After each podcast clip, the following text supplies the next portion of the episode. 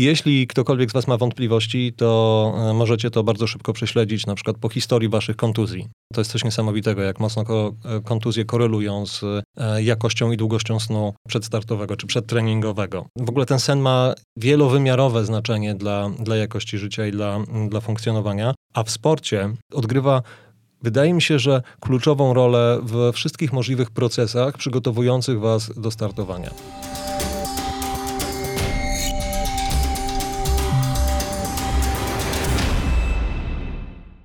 Zanim zaczniemy, mam do Ciebie ważny komunikat. Partnerem dzisiejszej audycji jesteś Ty, jesteście Wy, czyli słuchacze. To właśnie dzięki Waszemu wsparciu nie musiałem godzić się na współpracę, które mogłyby wpłynąć na brak rzetelności treści, jakie za chwilę usłyszysz. Niezależnie od okoliczności, to jednak nigdy się nie zmieni i możesz być pewny, że w mojej audycji specjaliści przekazują wiedzę nieobciążoną komercją. Tam, gdzie pojawia się reklama, jest ona zawsze transparentna, a ja chcę współpracować jedynie z podmiotami, które rozumieją, jak ważna jest uczciwość względem słuchaczy. Z Waszą pomocą mam taką możliwość, za co jestem bardzo wdzięczny. Jeżeli również cenisz sobie te wartości, to zachęcam Cię do wsparcia audycji za pośrednictwem Buy Coffee 2. Będzie to również docenienie mojej pracy i czasu, który poświęciłem.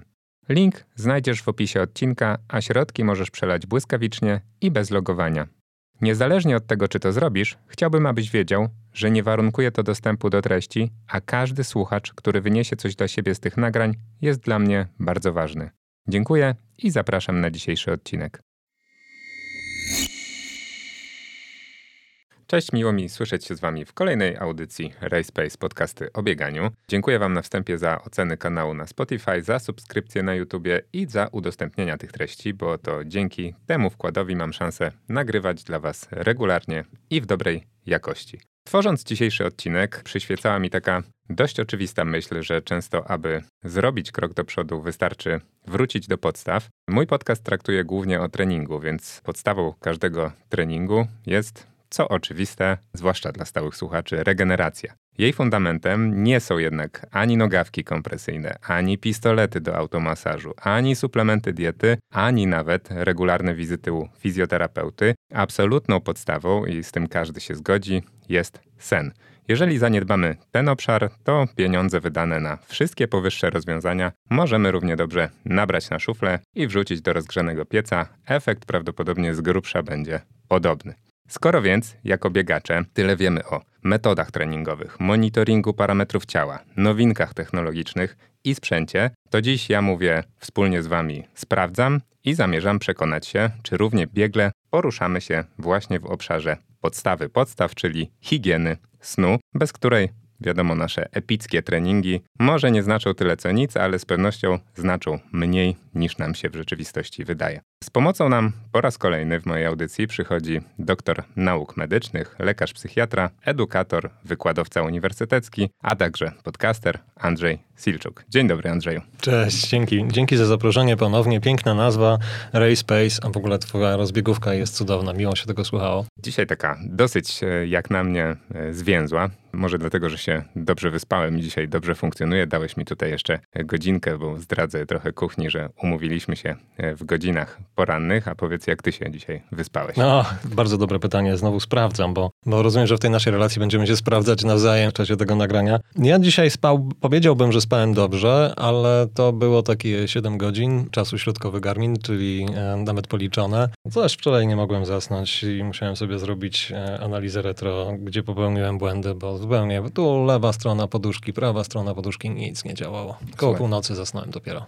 Możesz dzisiaj służyć za, za przykład. Ta analiza na pewno wszystkim nam się przyda. Oczywiście postaramy się tutaj spojrzeć na tematykę w szerszym obrazku, ale jako, że naprzeciwko mnie siedzi e, lekarz, to aż mnie korci, żeby zapytać o to, bo wiesz co, mam koleżankę, e, która jest biegaczką i lekarką w jednym z warszawskich szpitali i ona pracuje, nie wiem czy wszyscy lekarze tak pracują, ale w takim systemie dyżurów. Pamiętam, że kiedyś opowiadała mi, że wspólnie z kolegami z personelu medycznego zrzucają się na wygodniejszą taką sofę do spania w tym e, pomieszczeniu lekarskim. No i zastanawiam się, jak w ogóle taki tryb życia, bo to na pewno nie dotyczy tylko lekarzy, ale też e, wielu zawodów, wpływa właśnie na higienę snu i czy w przypadku lekarzy można w związku z tym przykładem powiedzieć, że najciemniej jest pod latarnią? O, to bardzo dobre. Myślę, że u nas lekarzy najciemniej jest pod wieloma latarniami w różnych wymiarach życiowych, ale podpisuję się pod pomysłem koleżanki i jej zespołu.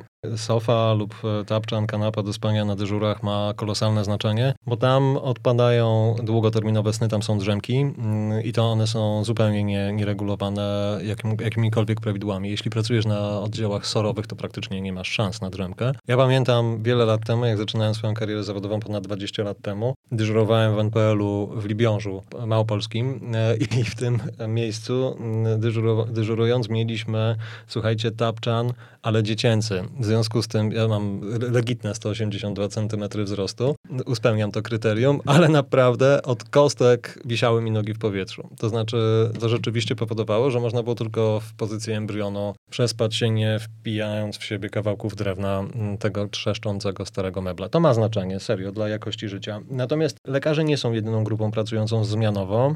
Takich grup pracujących zmianowo mamy bardzo dużo. Osób, które, bo inaczej, praca z dyżurami to jest zupełnie inny charakter niż czysto zmianówkowa praca. Pielęgniarki na przykład, e, pracownicy ratownictwa medycznego, osoby, które pracują na tak zwanych dwunastkach. Ty ja, gdybyśmy zaczęli dzisiaj pracę od 7 do 19, prawdopodobnie czulibyśmy zmęczenie, ale mielibyśmy szansę na spędzenie nocy w łóżku własnym. Albo czyimś, ale w łóżku. Natomiast y, ci, którzy zaczynają pracę od 19 i kończą ją o 7, mają totalnie zdewastowany, zdewastowany kolejny dzień. I teraz to, co będzie miało tutaj kluczowe znaczenie, to jest to, czy oni pracują tak na stałe i mogą się w cudzysłowie nie przeprowadzając przenieść do innej strefy czasowej, czy tak jak w trybie zmianowym masz dwunastkę dzienną, potem masz dwunastkę nocną, po której masz 24 godziny przerwy i znowu dwunastkę dzienną, czyli to jest ogromny chaos i bardzo, bardzo dewastujące. Da się nad tym zapanować, jak ktoś ma e, dobrą logistykę, bo obserwuję też e, wielu znajomych, którzy na przykład pracują w gastronomii. Tam też jest taki system zmianowy, że tam kilkanaście godzin przez dwa dni, a potem mhm. dwa dni e, zupełnie wolne i mam takie czasami wrażenie, że oni już nie do końca kontrolują to, kiedy są senni w rzeczywistości, a kiedy im się wydaje. No, odpowiedziałeś na pytanie, czy da się nad tym zapanować. To jest, znaczy, to jest bardzo grabieżcza i bardzo niehigieniczna forma funkcjonowania. Im jesteśmy młodsi, bardziej tacy fleksyjni, jeśli chodzi o zdolność do adaptowania się do tego typu warunków, tym dłużej w cudzysłowie możemy dawać radę, ale równocześnie znacząco zwiększamy ryzyko na przykład pojawienia się w czasie chorób sercowo-naczyniowych czy nowotworów.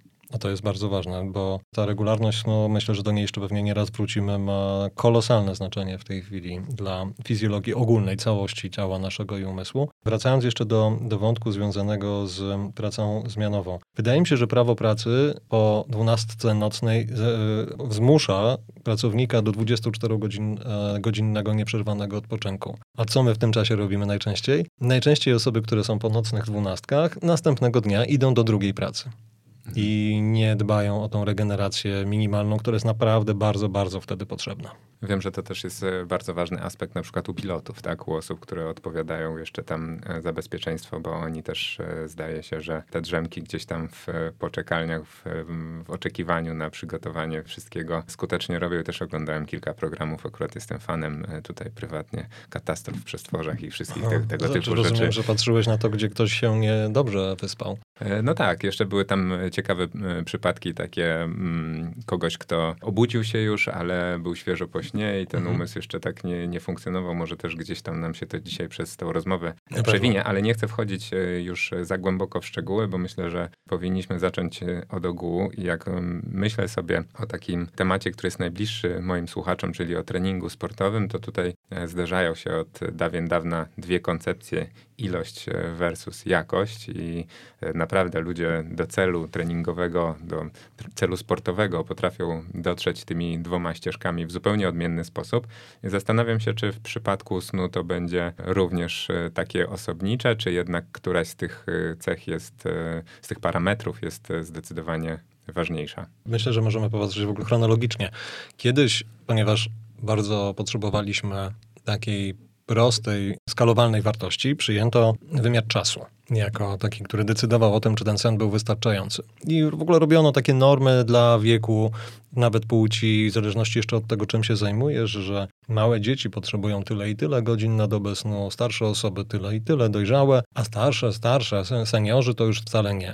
I że to wystarczy. Potem e, pojawiła się ta część jakościowa, to znaczy, że zauważono, że może ktoś spać nawet 10 godzin na dobę, ale obudzić się w dużym poczuciu wyczerpania i emocjonalnego, i również fizycznego. I zaczęto poszukiwać odpowiedzi na pytanie, co się stało, że ta objętość w cudzysłowie snu nie wystarczyła do tego, żeby się zregenerować, czy emocjonalnie, czy właśnie fizycznie. No i teraz w ostatnim miesiącu, we wrześniu, zrobiono przeciekawe badanie, którym oceniono, jaki parametr będzie miał największy wpływ na jakość, w sensie samopoczucia po nocy przespanej. I okazało się, że największym, e, największą, najbardziej istotną zmienną jest regularność snu. I to jest, słuchajcie, klucz. To znaczy, możesz spać świetne 6 godzin, jeśli to jest twoja, w cudzysłowie, fizjologiczna na dzisiaj norma. Myślę, że w naszej rozmowie się przekonamy, że 6 godzin to jest istotnie za mało. Możesz spa spać 9 godzin, ale kluczem będzie to, że o określonej porze zasypiasz i o określonej porze się budzisz. W ogóle nasze ciało, ta zwierzęca część naszych organizmów kocha regularność. Mózgi ubóstwiają regularność. Regularność w odżywianiu się, regularność w przyjmowaniu konkretnych e, wartości kalorycznych, jakościowych posiłków w skali makro. Tak samo uwielbiamy to, żeby o określonej porze móc położyć się przy poduszce i zasnąć i, i wtedy będziemy się dobrze czuli. Ale jeśli z jakiegoś powodu wytrącimy się z regularności, a większość osób myśli, że ona jest totalnie bezsensowna, bo przecież ja mam swoje indywidualne priorytety, na przykład przeciągnięcie wieczoru, no to potem konsekwencje tego będą na nas spadały, zwłaszcza na osoby uprawiające sport. No właśnie, sam wywołałeś tutaj następne pytanie, zwłaszcza na osoby uprawiające sport. Jak my się różnimy e, pod tym względem od tych norm populacyjnych? Czy w samych tych kwestii godzin, abstrahując już od regularności czy jakości snu, byłyby jakieś wytyczne, które wiesz, inaczej trochę traktują osoby w sporcie? Bo w wielu dziedzinach tak jest. E, nie wiem, przykładowo w dietetyce jest tam taki bardzo popularny współczynnik BMI, który wszyscy z nas y, znają. Tak, już, już jest nawet trochę dewaluowany. Tak, troszkę. on jest dewaluowany, ale gdzieś tam do, do średniej normy populacyjnej jakoś tam pasuje, natomiast na przykład do sportowców wytrzymałościowych w ogóle, bo często kolarze czy jacyś biegacze, którzy mają minimum tkanki tłuszczowej i mięśni, de facto on im może pokazać gdzieś tam w skali nadwagę, tak? A to mhm. są ludzie, którzy wyglądają jak szczypiorki. Zdewaluowaliśmy znaczenie BMI, bo tak się zrobiło modnie, żeby powiedzieć, że BMI to, to nie jest o człowieku, to jest wartość, ale to jest trochę tak, jakbyśmy zdewaluowali wartość poziomu glikemii albo ciśnienia. No sorry, jeśli nie spełniasz populacyjnego kryterium zakresu referencyjnego dla jakiejś wartości, to znaczy, że jesteś w grupie ryzyka. I teraz pytanie czego? Nadwaga jest czymś, co jest czynnikiem ryzyka rozwinięcia otyłości. Otyłość jest chorobą i tak, tak będzie to, to się nie zmieni. A jeśli masz chorobę, która się nazywa otyłością, to ona predysponuje cię do konsekwencji, które są wtórne do, do otyłości i oczywiście będą przynosiły mm, późniejsze szkody. Dokładnie to samo będzie tutaj, jeśli popatrzymy na taki szeroki wymiar pewnego rodzaju gospodarki grabieżczej, którą robimy. To w ogóle bardzo mocno koreluje z naszą poprzednią rozmową, bo zadając to pytanie, ty zadałeś pytanie o e, osoby uprawiające sport, to ja muszę dopytać, czy chodzi o osoby, które są zawodowcami czy amatorami uprawiającymi sport wyczynowy? W sumie ciekawią mnie obydwie grupy. Pewnie po drugiej stronie dzisiaj spotykamy się z, e, jednak z większością osób amatorsko uprawiających sport, ale my tutaj od wielu, wielu odcinków dywagujemy sobie nad tym, że e, ta granica robi się coraz bardziej płynna i jest tak mhm. naprawdę coraz e, trudniejsza do oddzielenia i właśnie mm, konkluzją myślę, że gdybym trochę na wyrost próbował taką sformułować ze wszystkich rozmów, które dotychczas przeprowadziłem, jest właśnie to, że największe różnice między tą grupą pro a amatorską w wielu przypadkach dotyczą właśnie kwestii regeneracji, a niekoniecznie Super. intensywności treningu. Super, że to zauważyliście, bo e, jeśli ja miałbym na to popatrzeć ze swojej perspektywy, mm, trochę tak widza patrzącego z boku, ale też osoby konsultującej różne osoby w swoim gabinecie, no to osoba uprawiająca sport zawodowo to jest osoba, która pełni podporządkowała się treningom i pracy i startom i utrzymuje się z tego. W cudzysłowie oczywiście, bo to jest bardzo duże ogólnienie, ale ma kontrakty sponsoringowe, ma swoje zatrudnienie, które spełnia w ramach tej pracy. Natomiast amator jakkolwiek trenujący zawodowo i startujący, startująca w poważnych zawodach, razem z zawodowcami, osiągając czasami naprawdę niebagatelne wyniki. Mamy e, rekordzistkę świata w podwójnym Ironmanie w tej chwili i możemy powiedzieć, że to jest totalnie pro e, osoba, e, ale rozumiem, że to wszystko wyszło z pasji i z zaangażowania do robienia czegoś dodatkowego. I teraz, jeśli popatrzymy na osoby, które trenują jako amatorzy, ale w taki ekstensywny sposób, to ja zakładam, że oni jeszcze przy tym wszystkim mają dodatkowo swoją pracę, z której się utrzymują i jakieś jeszcze życie pozatreningowe, czyli na przykład życie osobiste. No i teraz docieramy do, do mety. Człowiek ma z tej definicji, o której rozmawialiśmy kiedyś, e, do przespania te 8 godzin. Tak się przyjęło kiedyś książkowo, że te 8 godzin to jest taki e, gral dla śpiochów. Nie dla tego dziecka, nie dla tego emeryta, tak, tak, ale, ale taka średnia niby, mhm. że człowiek potrzebuje tych 8 mhm. godzin. Jeśli tak, no to zakładając, że to jest jedna trzecia doby i bierzemy sobie średnią populacyjną życia, powiedzmy no tam 70 parę lat, no to możemy powiedzieć, że przynajmniej ćwierć wieku przesypiamy. Mhm z całego naszego życia. No, oczywiście to się będzie uśredniało, bo jak jesteśmy niemowlętami, to śpimy po kilkanaście godzin na dobę i dłużej nawet. Jak jesteśmy starzeją, starzejącymi się osobami, to mówimy, że mamy już na wszystko czas i wstajemy sobie skórami. I teraz, jeśli ktoś pracuje nawet na pół etatu, czyli 4 godziny dziennie i do tego uprawia sport, to podporządkowanie tym działalnościom, a zwłaszcza w okresie przygotowywania się do startu, bo o tym rozmawialiśmy ostatnio zresztą, jak bardzo dużo w ogóle myśli wokół e, startu w waszych głowach siedzi, to to wszystko do kupy powoduje, że mm, z czegoś trzeba czerpnąć. Jeśli masz zobowiązania zawodowe, na przykład te buty z e, karbonową wkładką, one... Teraz wyszły takie, co 2,5 tysiąca już kosztują. No nie? tak, no to się samo z powietrza nie weźmie. Chyba, że zarobić. Albo musisz mieć super wynik, żeby je dostać i podpromować, albo musisz coś zrobić, żeby je mieć. Ty musisz na nie zarobić i najprawdopodobniej najczęściej właśnie tak to wygląda. W związku z tym na, na te buty które na pewno poniosą cię znacznie szybciej niż jakiekolwiek inne. Żeby sobie na nie pozwolić, to musisz jednak parę godzin odpracować. I teraz skądś ten kapitał czasu musimy porwać. Jeśli porywamy z innych obszarów higieny poza snem, no to większość z was pewnie powie, no nie, nie ma takiej możliwości, ja muszę się dobrze odżywiać przed startem. No nie, to jest, to ładuję węgle, muszę mieć pełną regenerację, jedzenie jest super ważne. Okej, okay. Ostatnio, jak rozmawialiśmy, powiedziałeś o tym, że mm, w relacjach osobistych jest jakieś takie ciche przyzwolenie na to, że jesteście nie do życia przed startami. I coś w tym jest. Coś w tym jest, że przed maratonem na przykład ten tydzień, dwa tygodnie, to, to tam jest y, średniawka. Ja mam teraz coraz więcej wywiadów u siebie z podcaście właśnie na temat tego, gdzie to zaangażowanie w projekty, w pracę y, się przekłada na potem, co się dzieje, jak się wraca do domu. Chyba, że akurat żona, mąż, partner, partnerka dowie się, że wydaliśmy te 2,5 tysiąca na buty, to wtedy sytuacja się odwraca, wtedy oni są. Można już nich pójść na spacer potem na przykład. No i teraz mm, ta, y, ten, ten sen jest absolutnie kluczowy. Absolutnie. Ja nie mam tutaj żadnych wątpliwości, nie tylko ja zresztą. Jeśli ktokolwiek z Was ma wątpliwości, to e, możecie to bardzo szybko prześledzić, na przykład po historii Waszych kontuzji. To jest coś niesamowitego, jak mocno e, kontuzje korelują z e, jakością i długością snu przedstartowego czy przedtreningowego. W ogóle ten sen ma wielowymiarowe znaczenie dla, dla jakości życia i dla, dla funkcjonowania, a w sporcie odgrywa Wydaje mi się, że kluczową rolę we wszystkich możliwych procesach przygotowujących Was do startowania. Zastanawiam się, czy są w ogóle, czy dotarłeś do jakichś badań, które pokazują tą korelację, e, nie wiem, czy długości, jakości, czy innych parametrów regularności snu e, w kontekście samego wyniku sportowego? Czy to jest w ogóle sprawdzalne? Takich publikacji jest bardzo dużo. Jeśli wpiszecie w popularne przeglądarki połączenie słów sen, regeneracja, re rezultaty, wyniki sportowe, tego typu rzeczy, to zobaczycie bardzo dużo materiałów, które zostały opracowane od lat. I tutaj nie odkrywamy Ameryki.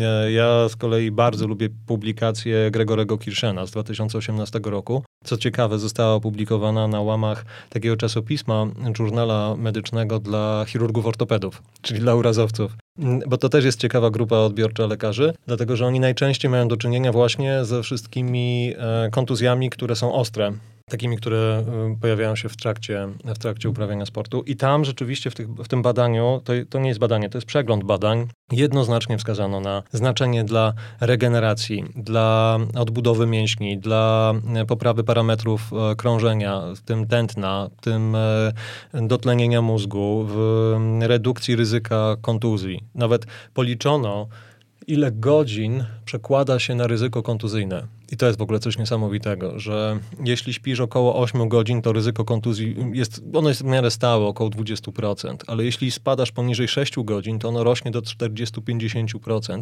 Jeśli śpisz krócej, około 4 godzin, to masz 70 procentowe ryzyko tego, że coś się skaszani w trakcie biegu, treningu, startu. To są głupoty, nie? Ale e, ta część poznawcza, która siada w przypadku zbyt krótkiego snu, ona może spowodować, że coś, co zwykle byś zarejestrował, że wbiegasz na trochę inną nawierzchnię, że masz przed sobą jakąś nierówność, kamień, korzeń, cokolwiek, bo postanowiłeś pobiegać po lesie i poleci ci, puścisz kostkę, tylko dlatego, że nie byłeś w stanie poznawczo wyłapać tego detalu i pozamiatane masz po starcie. Czy jesteśmy w stanie naszym słuchaczom udostępnić link do tego? To jest, Jasne. E, tak? Jasne. Publicznie dostępne, wiesz, bo niektóre Tak, te tak. publikacje e, naukowe są tam za, za jakimiś paywallami i różnymi innymi. e, Nie, to jest dostępami. otwarta To publikacja. jest otwarta, także zapraszam Was, jeżeli będziecie chcieli po odsłuchaniu, wrzucamy link do, do tego przeglądu w opisie odcinka. Powiedziałeś, e, trochę sam wywołałeś tutaj temat e, pro i amatorski. Ja ostatnio a propos słyszałem coś takiego, taką zagadkę, może będziesz umiał odpowiedzieć, czy wiesz, ile przeciętnemu człowiekowi zajmuje przebiegnięcie maratonu?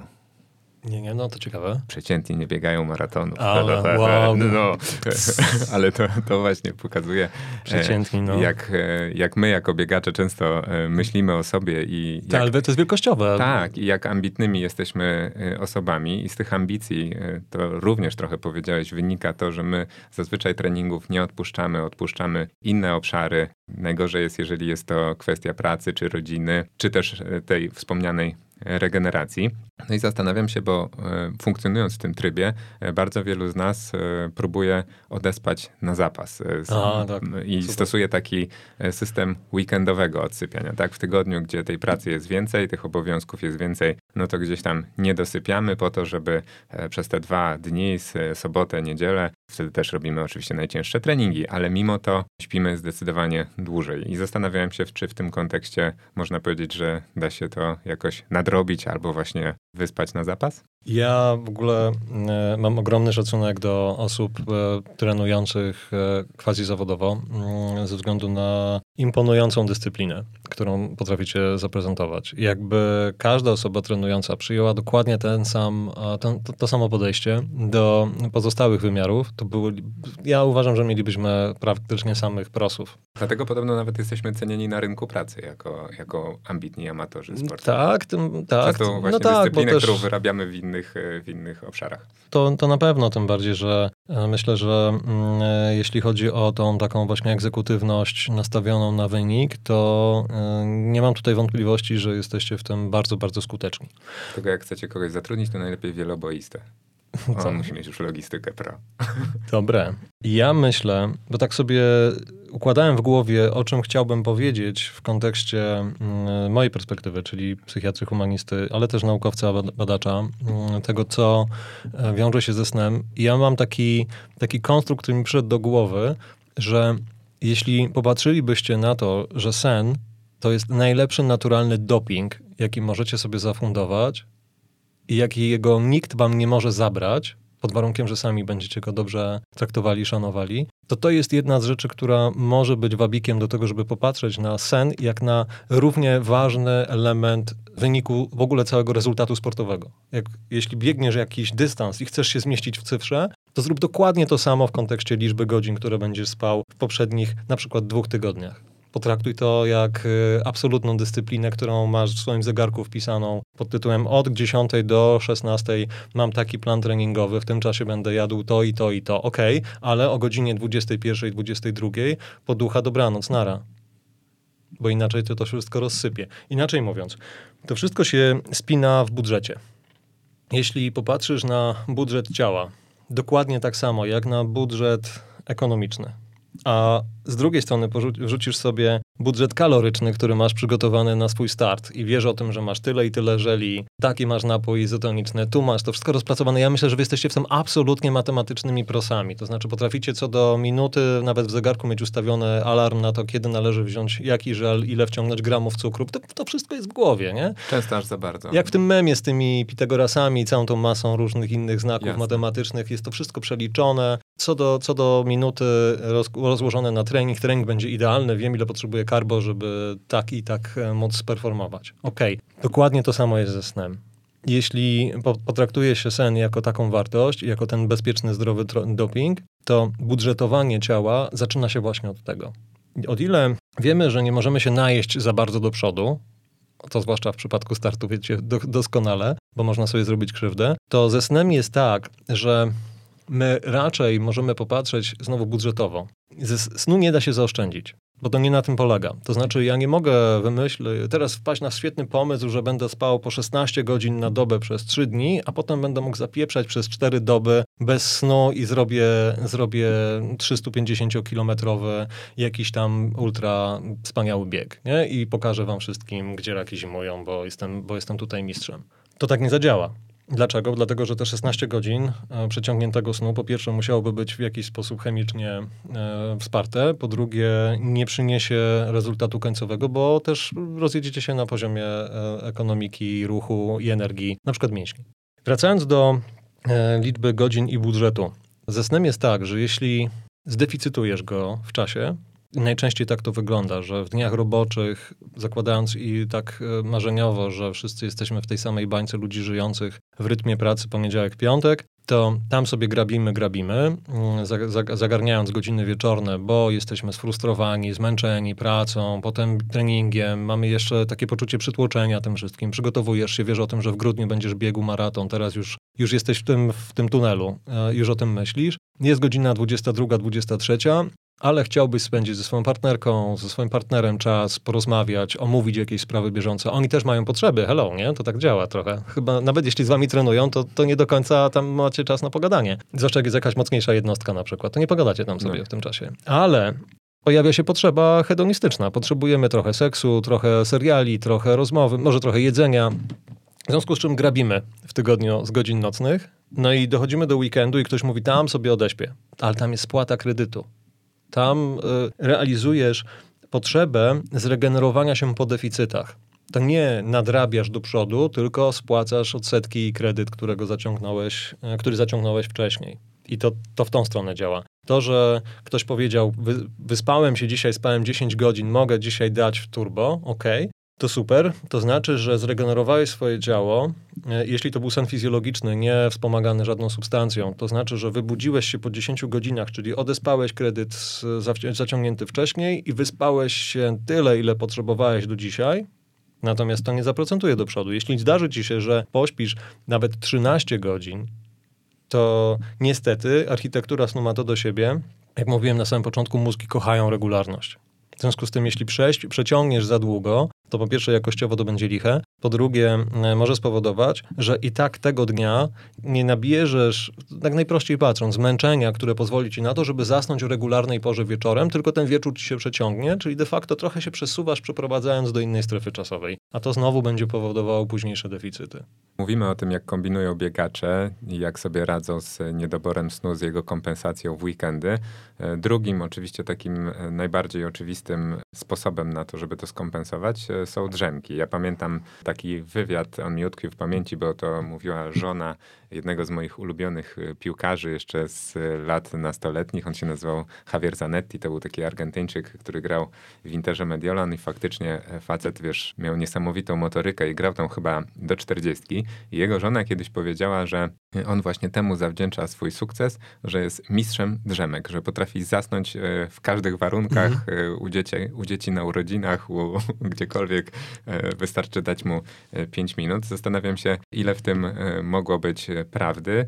E, no i czy te drzemki są takim snem pełnowartościowym? Powiedziałeś o budżecie, o bilansie. E, czy taki bilans 6 godzin przespanych w nocy plus godzina drzemki po południu to jest ekwiwalent 7 godzin przespanych w nocy ciurkiem? Na pewno nie. Na pewno nie. Sen y, jest dla nas korzystny wtedy, kiedy trwa w czasie. Drzemki są takim pomostem. Niektórzy je robią inaczej. Wszyscy jesteśmy różni. I to jest jedna z największych prawd o, o gatunku człowieka. To znaczy, ja y, podziwiam takie osoby, zresztą żyję na co dzień z taką właśnie osobą, która potrafi zasnąć praktycznie w każdych warunkach, niezależnie od tego, czy jest to namiot na dużej wysokości, wiatr właśnie szarpie połaciami tego namiotu, czy jest się w bardzo zatłoczonym miejscu, po prostu kładzie twarz przy poduszce i zasypia. Ja z kolei prawdopodobnie zawodowo, to a propos mm, pierwszych w ogóle rozmów, mam tak, że potrafi mnie obudzić e, najmniejszy szmer, bo śpię czujnie, ale to jest właśnie chyba pewnie koszt dyżurów i tego typu rzeczy, że gdzieś jest taki alertness, ta uwaga, taka mm, gotowość do zareagowania na najmniejsze zmiany w otoczeniu, więc trochę monitoruję rzeczywiście. Natomiast ta jakość snu ma znaczenie przede wszystkim i to jest wielo, wielowarstwowe, wieloczynnikowe, e, związane z snem nocnym. On jest dla nas najbardziej korzystny. W ogóle, jeśli popatrzymy na strukturę godzin snu, to rzeczywiście badania pokazują, że te godziny przed północą uważane są za najbardziej, najbardziej dla nas e, takie, mm, wiesz, e, regeneracyjno-dajne. One są rzeczywiście super ważne. Mówię o godzinach między 21 a północą. Potem ten czas drzemkowy, on będzie zmienny i różnych ludzi będzie w różny sposób przynosił efekt. Najczęściej jest tak, i jestem przekonany, że te osoby, które nas teraz słuchają, my obaj również, mamy doświadczenie brutalnej drzemki. Tak to będę nazywał. Brutalność drzemki polega na tym, że kładziecie się w poczuciu senności w czasie dnia. Ona może mieć różne przyczyny. Może być związana właśnie z dużym deficytem, na przykład skumulowanym. Może być związana z dziurą węglową potreningową, kiedy już siądzie cała ta, to pobudzenie i nagle kreszuje was bardzo mocno i, i łapie się, robicie, robi się senność. Ona może mieć związek z tym, że mm, adenozyna, która jest uważana w ogóle za taki, w cudzysłowie, hormon e, głodu snu, kumuluje się w czasie, po czym e, próbujecie z nią walczyć poprzez kofeinę, która świetnie z nią kompetytywnie walczy o swoje miejsce w mózgu i to uczucie senności. Kofeina sobie działa, działa, działa, działa i potem nagle jak e, trzask łamanej zapałki pyk, ucieka możliwość stymulacji dalszej kofeiną, a tam jest bardzo dużo nagromadzonej adenozyny, która wskakuje w jej miejsce i powoduje bardzo, bardzo gwałtowną senność. Jeszcze jeden mechanizm, na przykład po zjedzeniu posiłku mocno węglowodanowego po wcześniejszej głodówce. Czyli byliście e, mniej zdyscyplinowani i wypadł wam regularny posiłek. Regularność, znowu kocham to nasze ciało, regularność. Jak jesteśmy regularnie odżywiający się, to mózg mówi trzustce, hej trucha, wyrzuca insulinę, bo będzie jedzone. No nie, w związku z tym e, większość z nas pamięta, ja to często mówię na różnych warsztatach, wykładach, tego typu wystąpieniach, że to jest taki stan, kiedy, który pamiętamy z dzieciństwa, gdzie w niedzielę około godziny 12-13 czuliśmy, że nas sało w brzuszku, a zaraz potem był rosołek i schabowy albo mielone i, i ten obiad u babci z mizerią e, upragniony, a potem ciacho, na przykład jakieś takie z rabarbarem i kruszonką. Boże, ja nie mhm. wiem, chyba jest jeszcze za wcześnie na jedzenie. No, tak, Wracając do, do tematu. To poczułem. Poczułeś to? Poczułeś. I teraz, wiesz, no, bo to te wszystkie wszystkie nasze e, chronotypy dotyczące różnych e, zjawisk, one mają kolosalne znaczenie. I teraz wyobraźcie sobie, że ta, ta, ta dziura, którą się zrobiło, bo wypadł jeden posiłek, prowadzi do tego, że po zjedzeniu później czegoś mocniej węglowodanowego, insulina robi swoją robotę. Zamiata całą glukozę z krążenia, w związku z tym wpadamy w tą taką senność poposiłkową, która często jest związana też trochę z nietolerancją glukozy. Może być, jeśli to, to się będzie powtarzało, ale pojawia się senność. Ludzie wtedy piją espresso albo robią sobie różnego rodzaju inne rozwiązania, które mogą ich pobudzić. Może pójdą na małą przebieżkę, ale yy, najczęściej kładziemy się spać i przycinamy yy, komara, czyli robimy drzemkę. I teraz część z nas, na pewno, jestem przekonany właściwie, że każdy z was, może są takie osoby, które mają super talent, super power, że potrafią drzemać i czuć się świetnie. Macie na pewno takie doświadczenie, że po jakiejś drzemce wybudzacie się i macie totalnie głowę w chmurach. Na zasadzie pełnej dezorientacji, takiego uczucia niepokoju, przyspieszonego tętna, mięśnie drżą, do końca nie wiem, co się dzieje. Takiego stanu jak po uderzeniu w głowę. Było? Było. Ja tylko jestem wtedy świetnie zorientowany, gdzie jest lodówka, ale pozostałe, lodówka? pozostałe rzeczy już nie tak dobrze. No dobrze, to, to już wiemy, wiemy, co robisz po drzemkach w takim razie. Teraz to się będzie wiązało z tym, że nie wszystkie drzemki pójdą dobrze. Chodzi o fazy snu. Drzemka jest z taką fizjologicznym wstępem do zasypiania. Tylko, że nie o fizjologicznej i regularnej, przystosowanej do stałych rytmów porze. Jeśli ktoś chce robić drzemki, to najlepiej, żeby one były regularne, tak jak i sen nocny. I wtedy to ma sens. Jeśli na przykład, czy w godzinach pracy, ja miałem takiego kumpla dziennikarza, który, mm, zresztą pozdrawiam Marka, on jest y, maratończykiem, który potrafił wyjść koło godziny 11 na przykład z redakcji, pójść do toalety, teoretycznie to wszystko się kleiło, on siadał na kiblu, zakładł twarz jak Al Bundy w, w dłonie i przycinał 15-minutową drzemkę, po której wychodził stamtąd i pracował dalej. Ale zaczynał wcześniej, bo w telewizji śniadaniowej pracując, więc do czwartej rano wstawał, więc mm, faktycznie to o 11 mogła być uzasadniona. Może dobrze, że z nazwiska go nie wymieniłeś. Nie, w ogóle, nikt się nie domyśli. To jest y, historia, która y, pokazuje, że drzemka będzie dla nas ok, jeśli będzie regularna i będzie miała też pewien reżim czasowy.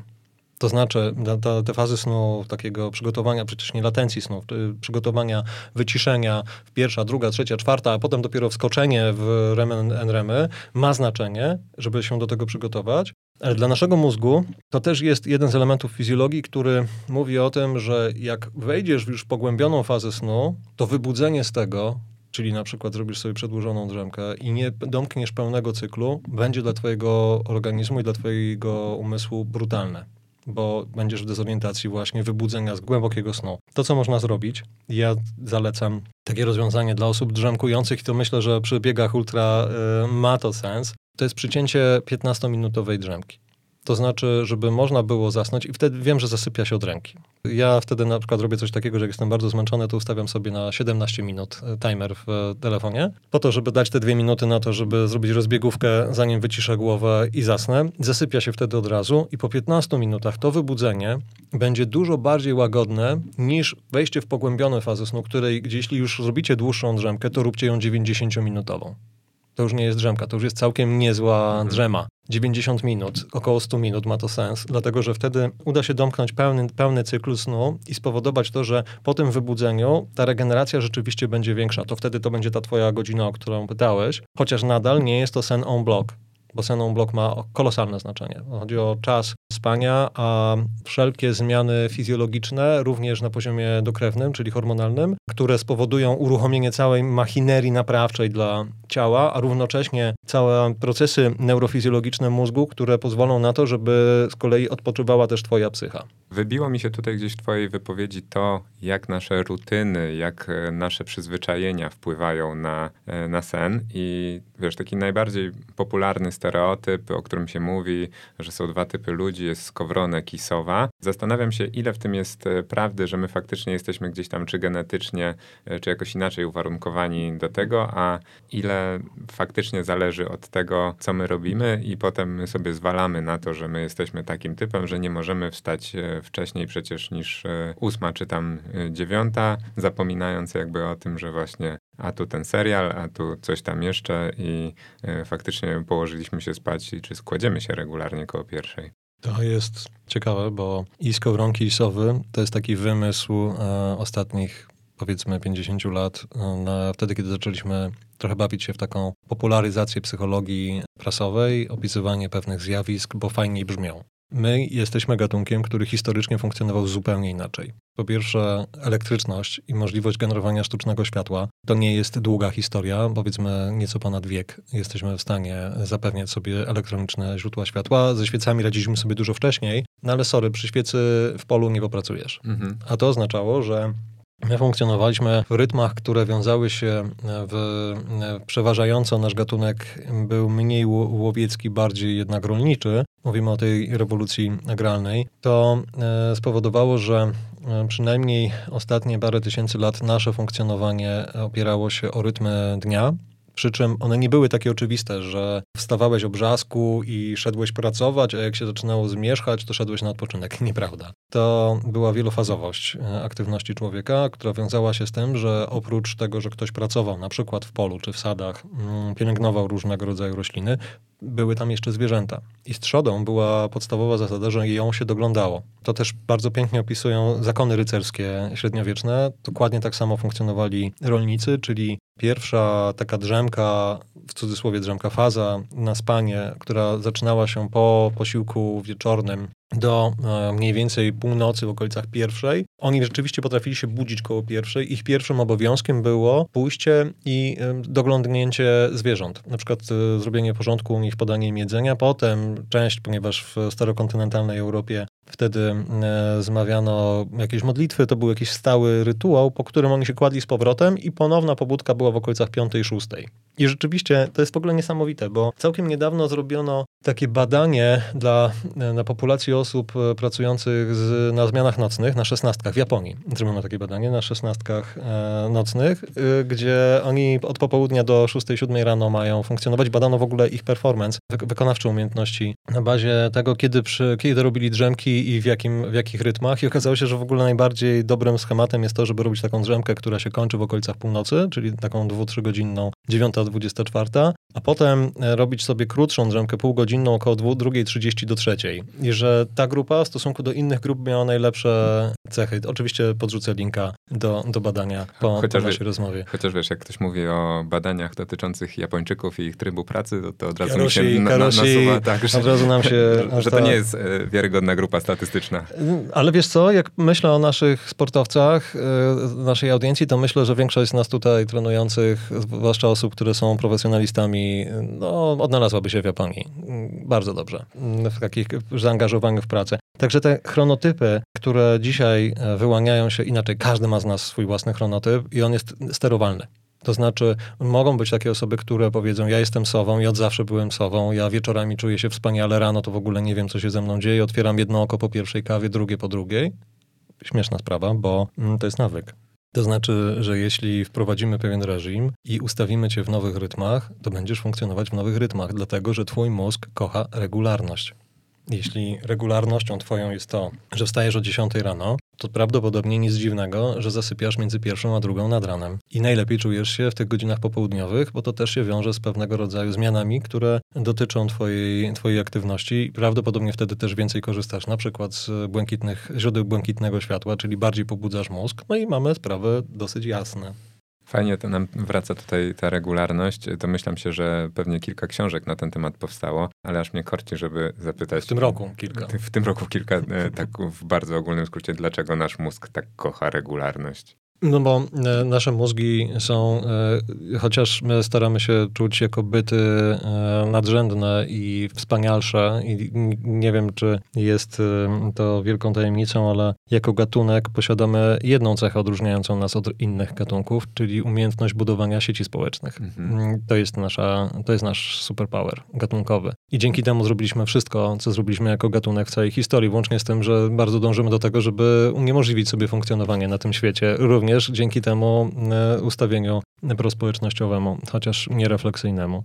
Natomiast e, bezpośrednio mamy mózgi ssacze, mm, na którymi trochę czuwają mózgi naczelne, ale pod spodem jest ten mózg gadzi. Jakkolwiek kiedyś ktoś to fajnie opisał, że najstarsze struktury mózgowe mamy takie jak gady, te środkowego czasu, czyli włącznie z układem limbicznym i układem nagrody, to jest typowo ssacze mózg, a naczelne dały nam korę czołową i przedczołową, którą wymasterowaliśmy jak żaden inny gatunek do tego, żeby czasami powiedzieć coś od czapy.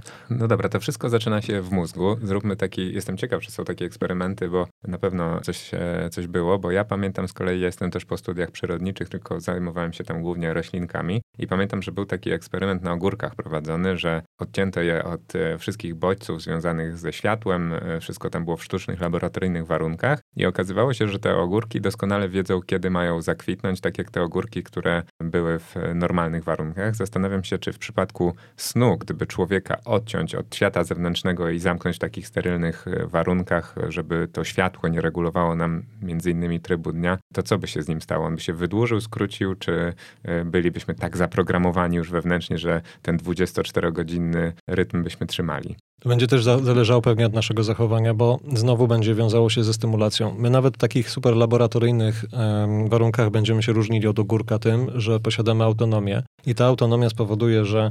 Wieloma no, innymi rzeczami też. Y, no, dzięki. I teraz jeśli popatrzycie na to w ten, w ten, sposób, ludzie nie ogórki, chociaż są może ludzie ogórki, tego nie wiem, mm, to zobaczymy, czy będzie jakaś nowa teoria spiskowa potem obok reptylianinów, to my mamy taką potrzebę nienudzenia się.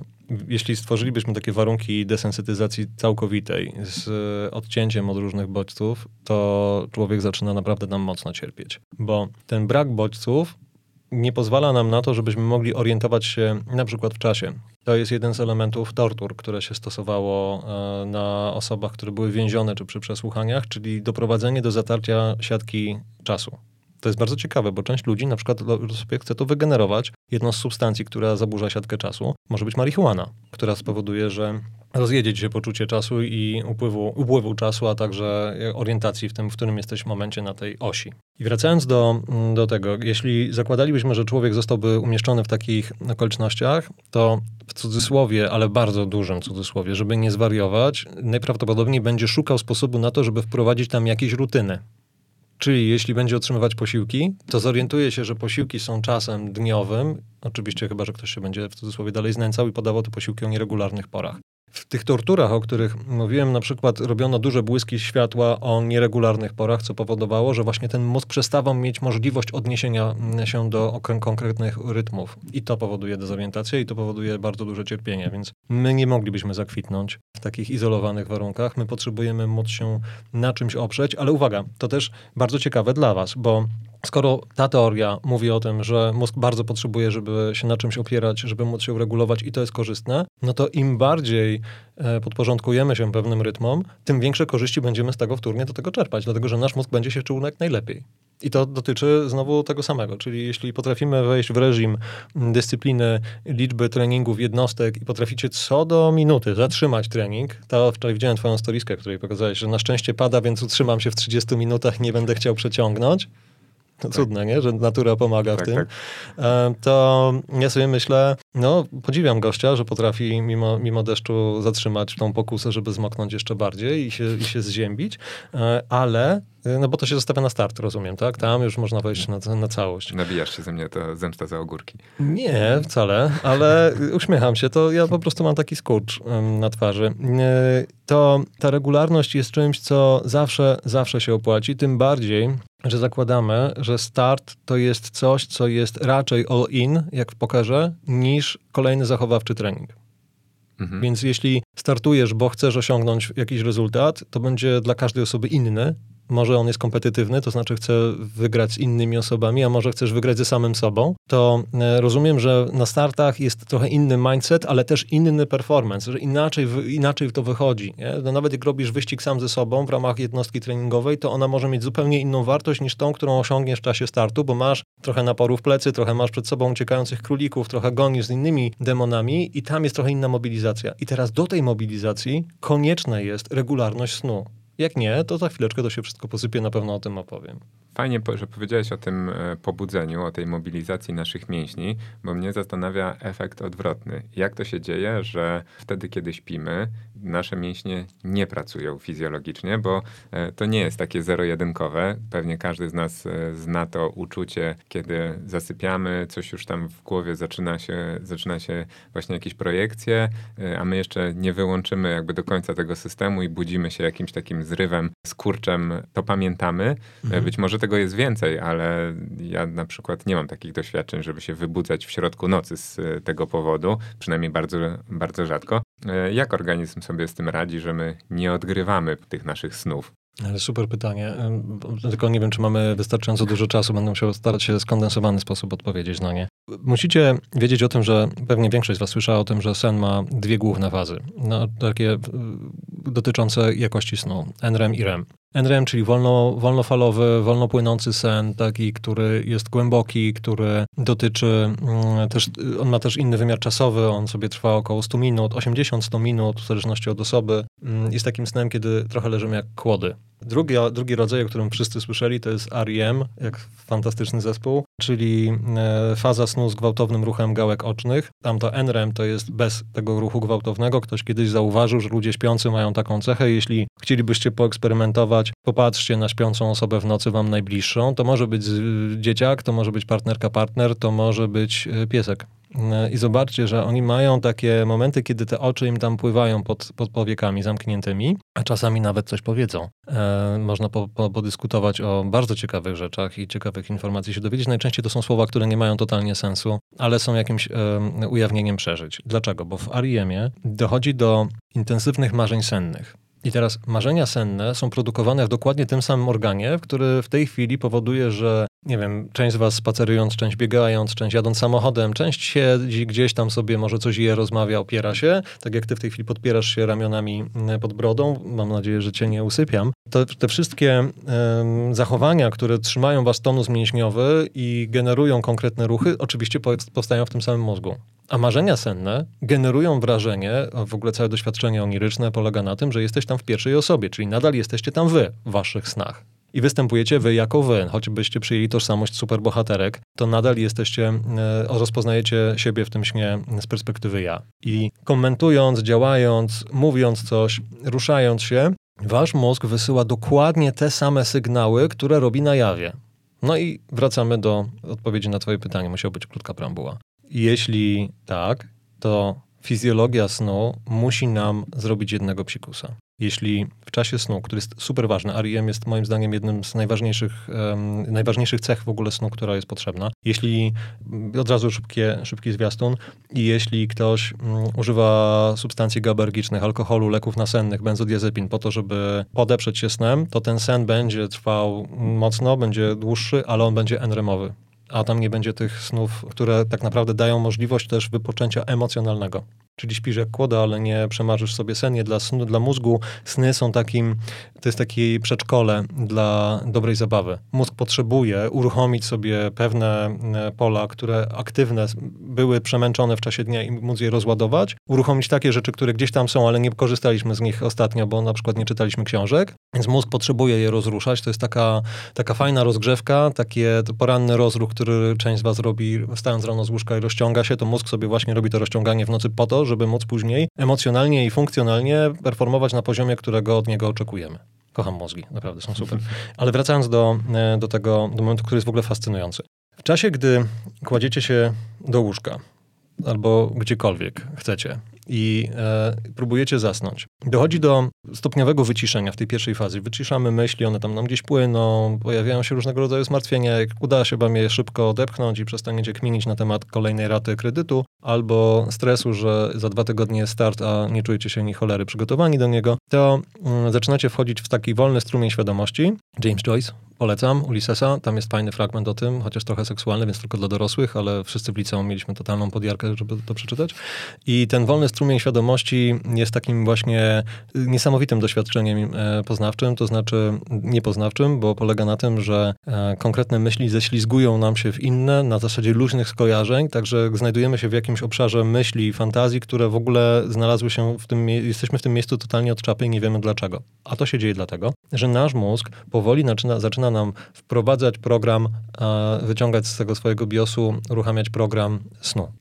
A ponieważ zaczynamy wchodzić w marzenia senne, one są bardzo zwiewne jeszcze, jesteśmy już w okolicach trzeciej i wchodzimy do czwartej fazy snu, zaczynamy sobie delikatnie śnić. To śnienie jeszcze nie jest w pełni odłączone, my jeszcze nie zasnęliśmy, ale nasz mózg pozwala nam na takie fantazjowanie, w którym wyobrażacie sobie, że rozmawiacie tam z jakimś kolegą albo siedzicie w studiu podcastowym u Kuby, Kuba zadaje pytanie, a wy w tym momencie chcecie wziąć długopis i ten, uwaga, będzie trochę huku, długopis wam wypada z ręki. To, co uruchomicie natychmiast, mając już to doświadczenie przed oczami, to będziecie chcieli złapać ten długopis, zanim on upadnie na biurko i wywoła huk w mikrofonie. Problem polega na tym, że to już jest marzenie senne, którego nie jesteście świadomi. Wy już wpłynęliście w sen, natomiast wasz mózg nie zdążył zrobić jednej kolosalnie istotnej rzeczy. Jak, słuchajcie, wtyczka i e, gniazdko, ciach nie rozłączył kory ruchowej. I kora ruchowa zareagowała na bodziec wychodzący z mózgu, który był marzeniem sennym i wywołała ruch. A ponieważ wy już zasnęliście, ale jeszcze tego nie wiedzieliście, ten ruch was wybudza. I robi coś, co jedni nazywają po angielsku twitchem, inni nazywają chyba zespołem K, czy coś takiego. Prawdopodobnie część osób właśnie ma słowo na w głowie wtedy, jak to się wydarza. Ogólnie ma to bardzo ładną nazwę, nazywa się mioklonią przysenną i to jest fizjologia, to u każdej osoby się może zdarzyć. To jest takie mocne wzdrygnięcie całego ciała, które mogliśmy zaobserwować też u niemowląt w formie takich mioklonicznych. Tam jest taki, taki objaw, który się badał u niemowlaków, e, które właśnie tak się wzdrygają całym ciałem. My jako dorośli mamy to dokładnie tak samo, zawsze przy, nie zawsze. To występuje przy zasypianiu i jest elementem fizjologii. Może się wiązać na przykład z trochę większym napięciem Jak jesteśmy bardziej zestresowani, mamy więcej rzeczy na głowie, to nam się przeciąga trochę ta pół, półświadoma faza, kiedy wpływamy sen, w, w sen i nie odłączamy tych fragmentów. Ale mieści się to w zakresie zdrowia i może być. Natomiast gdybyśmy tego nie odłączali, czyli nie mieli wyłączki mm, wyciągnięcia mm, tego, tej wtyczki z, z gniazdka i kora ruchowa pozostałaby w funkcjonalnym połączeniu z mózgiem, no to biada wszystkim w otoczeniu i nam samym. Bo jeśli mamy około pięciu snów remowych na noc, i w każdym z nich wyobrazicie sobie, że biegniecie maraton, jedziecie na rowerze, wchodzicie po schodach, mm, podajecie komuś rękę, to połamalibyście komuś i sobie w otoczeniu e, kończyny, albo moglibyście spaść z łóżka i zrobić jeszcze inne kilka głupot.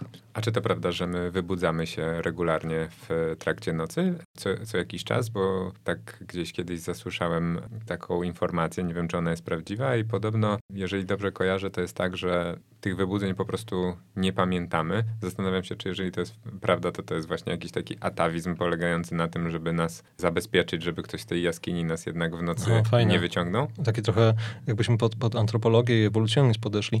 Ja myślę, że to można wytłumaczyć jeszcze prościej. My mamy y, odłączoną sensorykę czuciową, nas trzeba porządnie szarpnąć, żebyśmy się obudzili, y, albo jakiś musi być stały bodziec, intruzywny najczęściej, albo stały niższy, ale stały, który nas wybudzi, czyli na przykład pocieranie, albo y, pisk tak jak budzik nas wybudza. Natomiast y, mamy jeszcze jeden rodzaj bodźca, który nas obudzi, to jest ból. I bodźce bólowe, y, one są receptowane przez nas nieświadomie również. Y, właściwie jest taki poziom, my badamy w ogóle przytomność człowieka, badając też bodźcami bólowymi. Najbardziej nieprzytomne osoby to są takie, które nie reagują na przykład na odruch rogówkowy.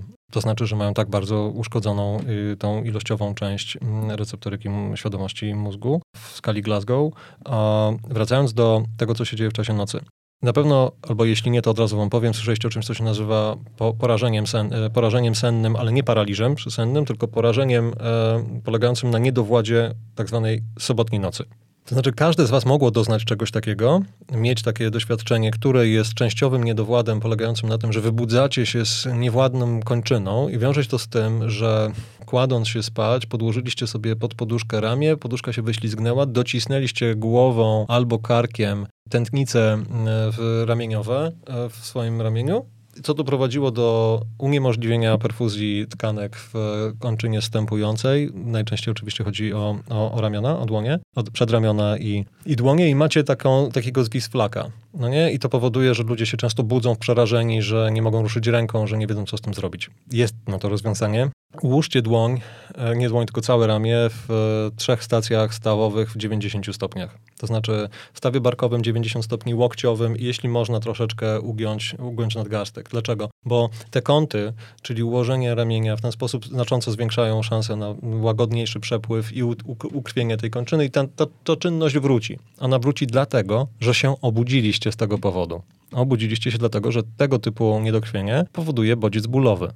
I oczywiście w czasie nocy większość z Was ma to doświadczenie, zwłaszcza przy zasypianiu, że się przewracacie z boku na bok. Dlaczego? Dlatego, że czujecie dyskomfort. Dyskomfort jest y, niskim bodźcem bólowym. W nocy się wybudzamy wielokrotnie, mm, co wszyscy właściciele elektroniki, z którą się sypia, czyli opasek, pierścieni, zegarków, dokładnie o tym wiedzą, że są tam pojedyncze wybudzenia. Część osób staje w nocy na siku i na autopilocie idzie siku, wraca i śpi ale najczęściej to pamięta, że była siku. Natomiast to takie drobne wybudzenia, one pozostają poza naszym układem świadomym, bo to jest wybudzenie, w którym po prostu y, jesteście świadomi chwili tego wybudzenia, obracacie się, poprawiacie poduszkę, kładziecie się na drugim boku, przytulacie bliską sobie osobę, jeśli tam jest, jeśli nie, to kot wjeżdża e, pod ramię i dobranoc.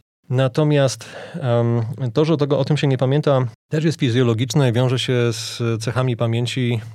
Żeby coś zapamiętać, to potrzeba na to czasu.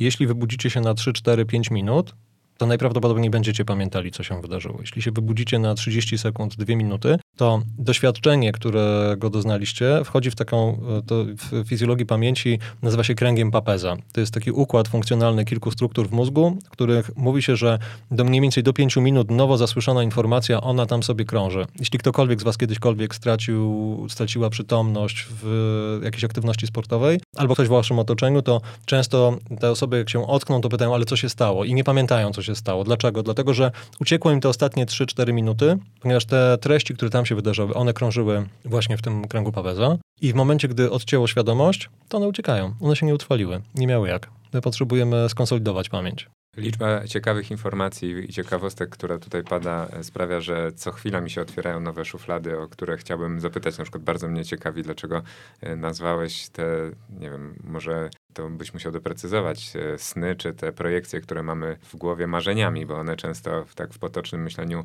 kojarzą się z zupełnie czymś odwrotnym od marzeń, bo są jakieś koszmary okay. i, i, rzeczy, których... Mary, mary, tak. mary, koszmary, marzenia. Słuchajcie, to jest nazwa, myślę, że wywodząca się w ogóle z psychoanalizy marzenia senne są taką nazwą po prostu ładniejszą dla śnienia.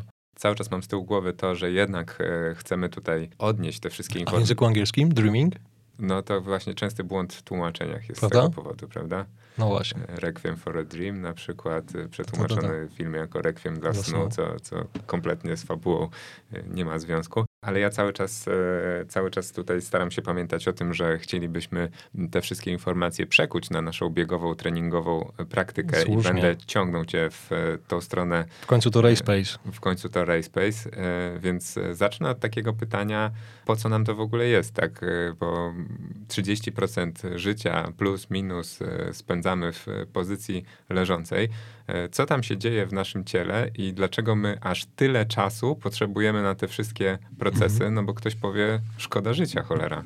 Moglibyśmy dużo więcej rzeczy zrobić. No, to jest największy błąd, jaki moglibyśmy przyjąć i co jest najciekawsze, na pewnym etapie każdy z nas padnie na ten sam, na ten sam pomysł. To znaczy, że e, sen jest taką straszną stratą czasu. W cudzysłowie oczywiście.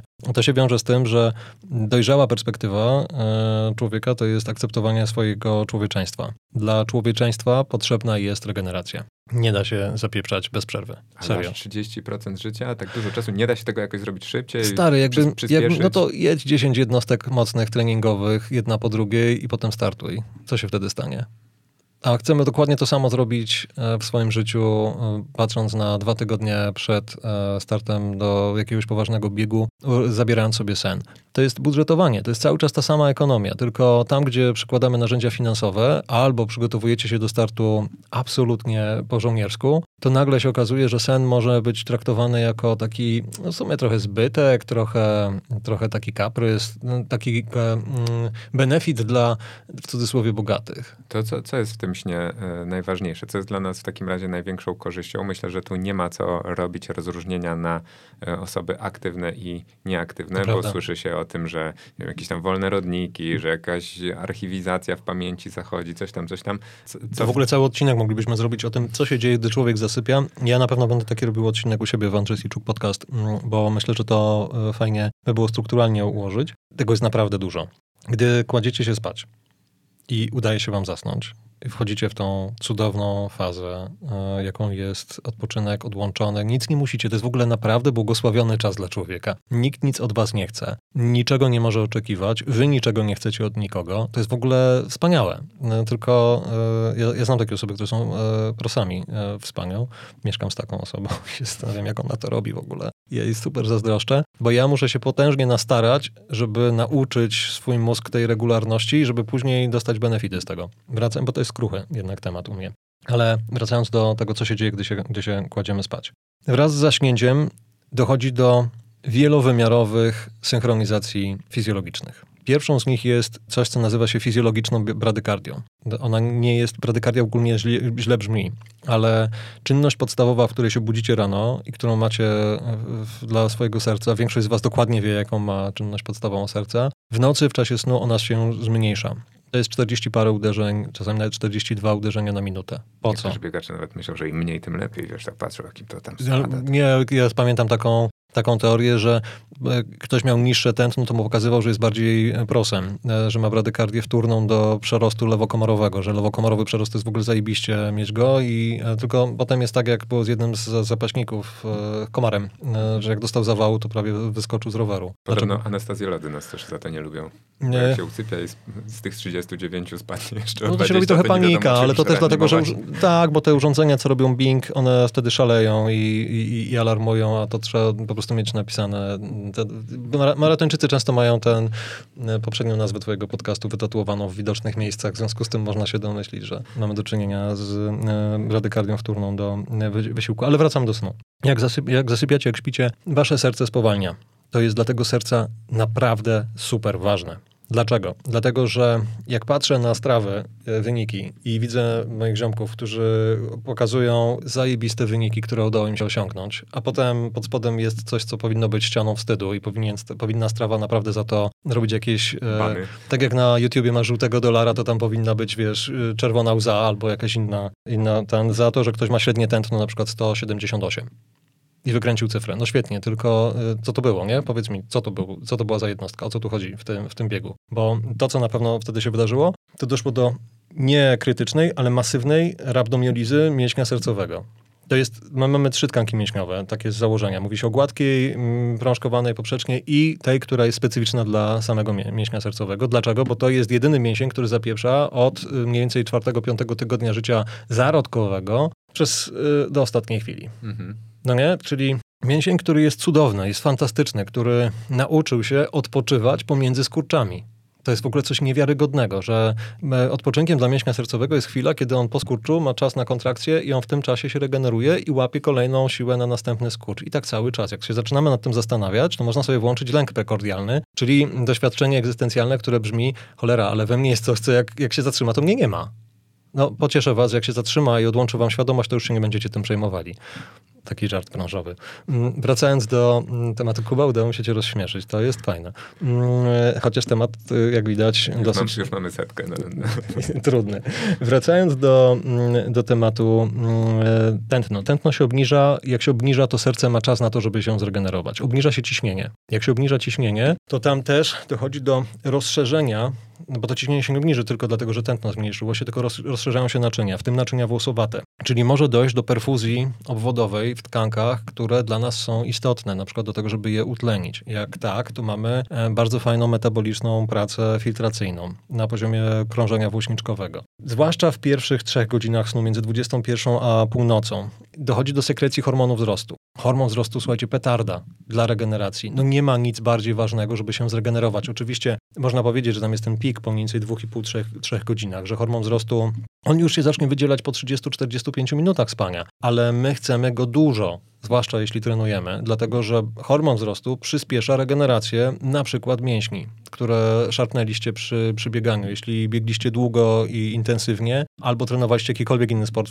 Ja myślę tutaj też o wspinaczach, o osobach, które e, jeżdżą na rowerach, mają różnego rodzaju aktywności, które są wyczynowe. Tam dochodzi do rabdomiolizy mięśnia szkieletowego. Tam dochodzi do masy różnych innych wydarzeń, czyli na przykład uszkodzenia naczyń głośniczkowych. To wszystko regeneruje się wtórnie do hormonu wzrostu. Hormon hormon wzrostu jest hormonem, który uwalnia między innymi tkankowy, nie tkankowy, tylko nabłonkowy czynnik wzrostu, który mamy w różnych miejscach, w moczu, w ślinie, w różnych obszarach, które regenerują nas w całości. Jeśli pomyślicie o hormonie wzrostu, chłopaki, testosteron się kłania. Bez hormonu wzrostu nie ma testosteronu, nie ma teścia. Żeby był teść, to musi być odpowiednia ekspozycja na czas snu. Jeśli sen się skróci poniżej 6 godzin, to poziom hormonów wzrostu będzie niższy, regeneracja waszych mięśni będzie niższa, ale równocześnie poziom produkcji testosteronu się zmniejszy. Jeśli to będzie incydent, to prawdopodobnie spłacicie to w kolejnych dniach. Jeśli to będzie reguła, to funkcjonujecie na zakłóconym stosunku testosteronu do poziomu estrogenów, a ponieważ odżywiamy się wszyscy w miarę w podobny sposób, to zakładam, że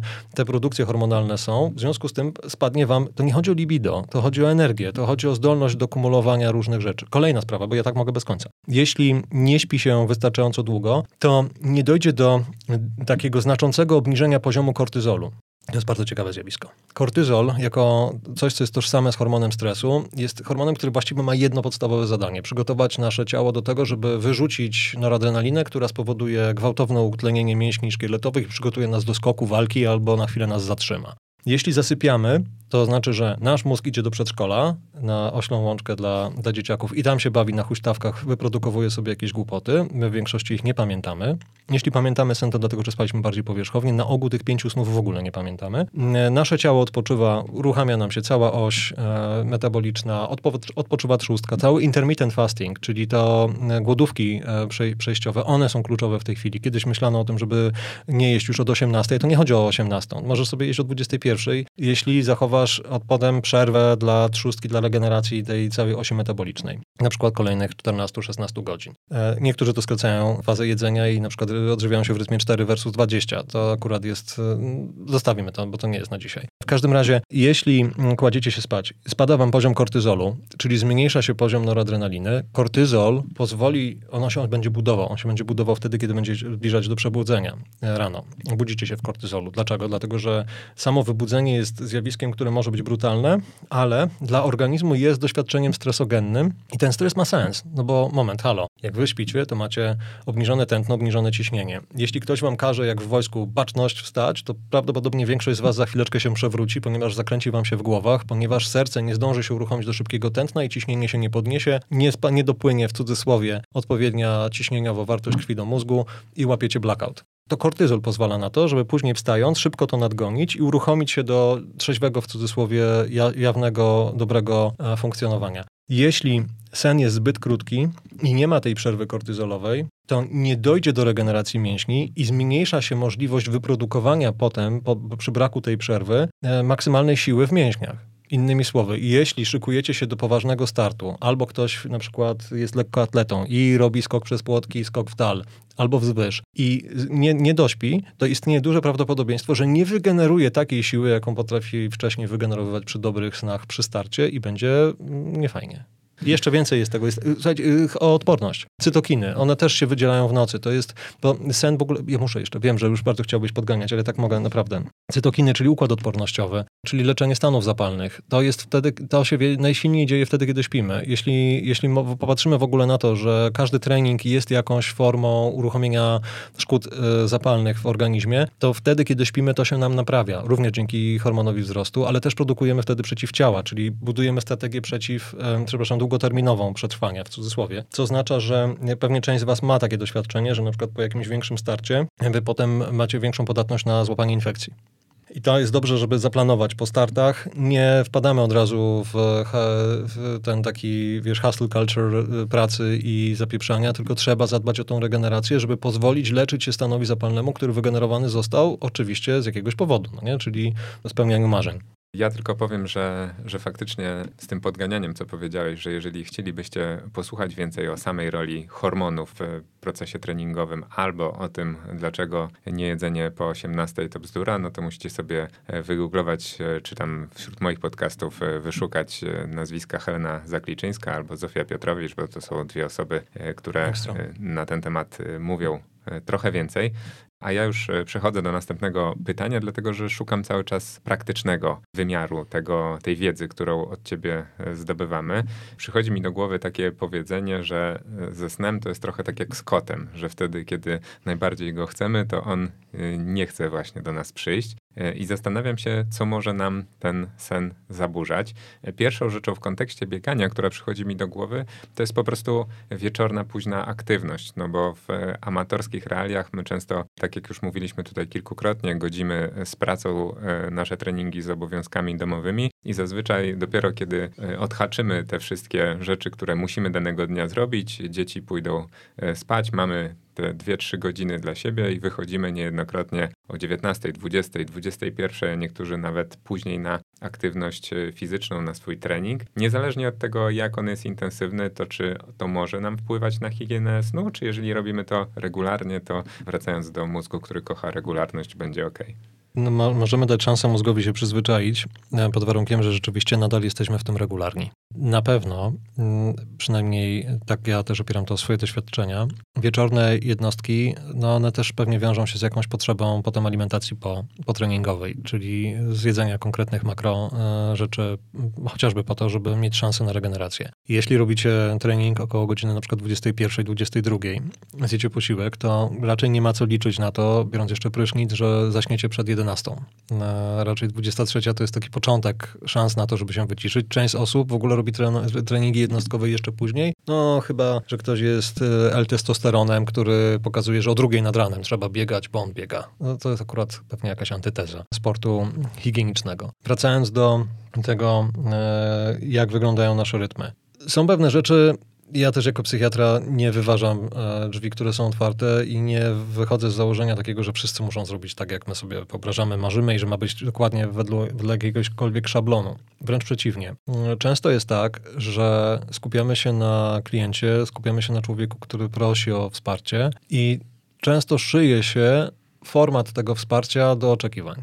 Więc może się zdarzyć, że dla niektórych osób ten graal 8 godzin snu jest w ogóle nie, nie, niewykonalny i ich celem jest to, żeby spać 6,5 godziny, bo dzięki temu czują, że dadzą radę, ale to nie jest kompromis polegający na tym, że targujemy się dalej, że spróbujemy zejść do czterech, bo, bo, to, bo to nie zadziała. My raczej mówimy o osobach, które chcą spać 6,5 godziny, bo to jest ich kompromis, który są w stanie wygenerować w bieżące okoliczności życiowych, ale śpią po 3,5 godziny, a reszta to jest szarpanina i stres i frustracja. I potem w czasie dnia mają e, bardzo złe e, performowanie, czują, że wiele rzeczy im unika, są rozdrażnieni, mają kłopoty z zrzuceniem oponki brzusznej, bo też, uwaga, to jest jedno z najciekawszych doniesień w ostatnich latach, które mówi o tym, że otyłość brzuszna ma dosyć mocną korelację z niedobrym snem, z niehigienicznym snem, z nieregularnym snem, niewartościowym.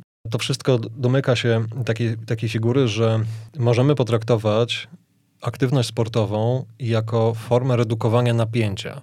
I że dla niektórych osób e, większą frustracją i dyskomfortem będzie nie zrobienie tego treningu wieczornego i zostanie ze samym sobą, niż zrobienie tej e, jednostki i trochę odpuszczenie. Ja myślę, że to jest bardziej złożony temat. To znaczy, że jeśli u kogoś takie cechy się pojawiają, to trochę wraca do naszej poprzedniej rozmowy. Może to nie jest złym pomysłem, żeby pogadać o tym z terapeutą, terapeutką poznawczo-behawioralnymi, czyli osobami, które w krótkoterminowych e, modelach pracy pomogą wam e, trochę zapanować nad tą regulacją emocji, żeby to się nie stało regulacją emocji nałogową, bo większość z nas różne rzeczy robi, żeby się poczuć lepiej. Problem polega na tym, że czasami używamy jednej z rzeczy lub jednej z substancji po to, żeby czuć się lepiej e, all the time, albo nie czuć dyskomfortu.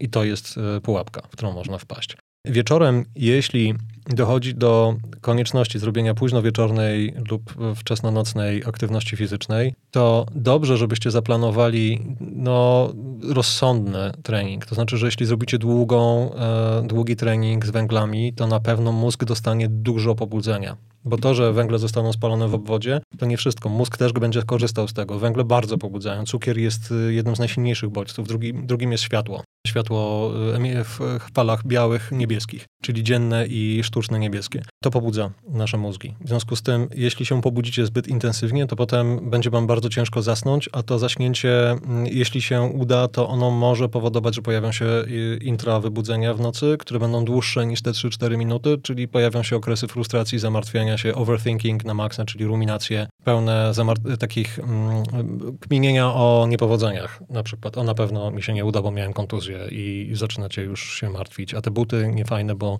bo nie za 2,5 tysiąca, tylko za 500 zł. No i, i, już na pewno nie mam szans. Albo, że bieżnik mi się starł, bo miałem, nie będę mówił, której marki trailowych butów, które bieżniki właściwie znikają mm, po chwili.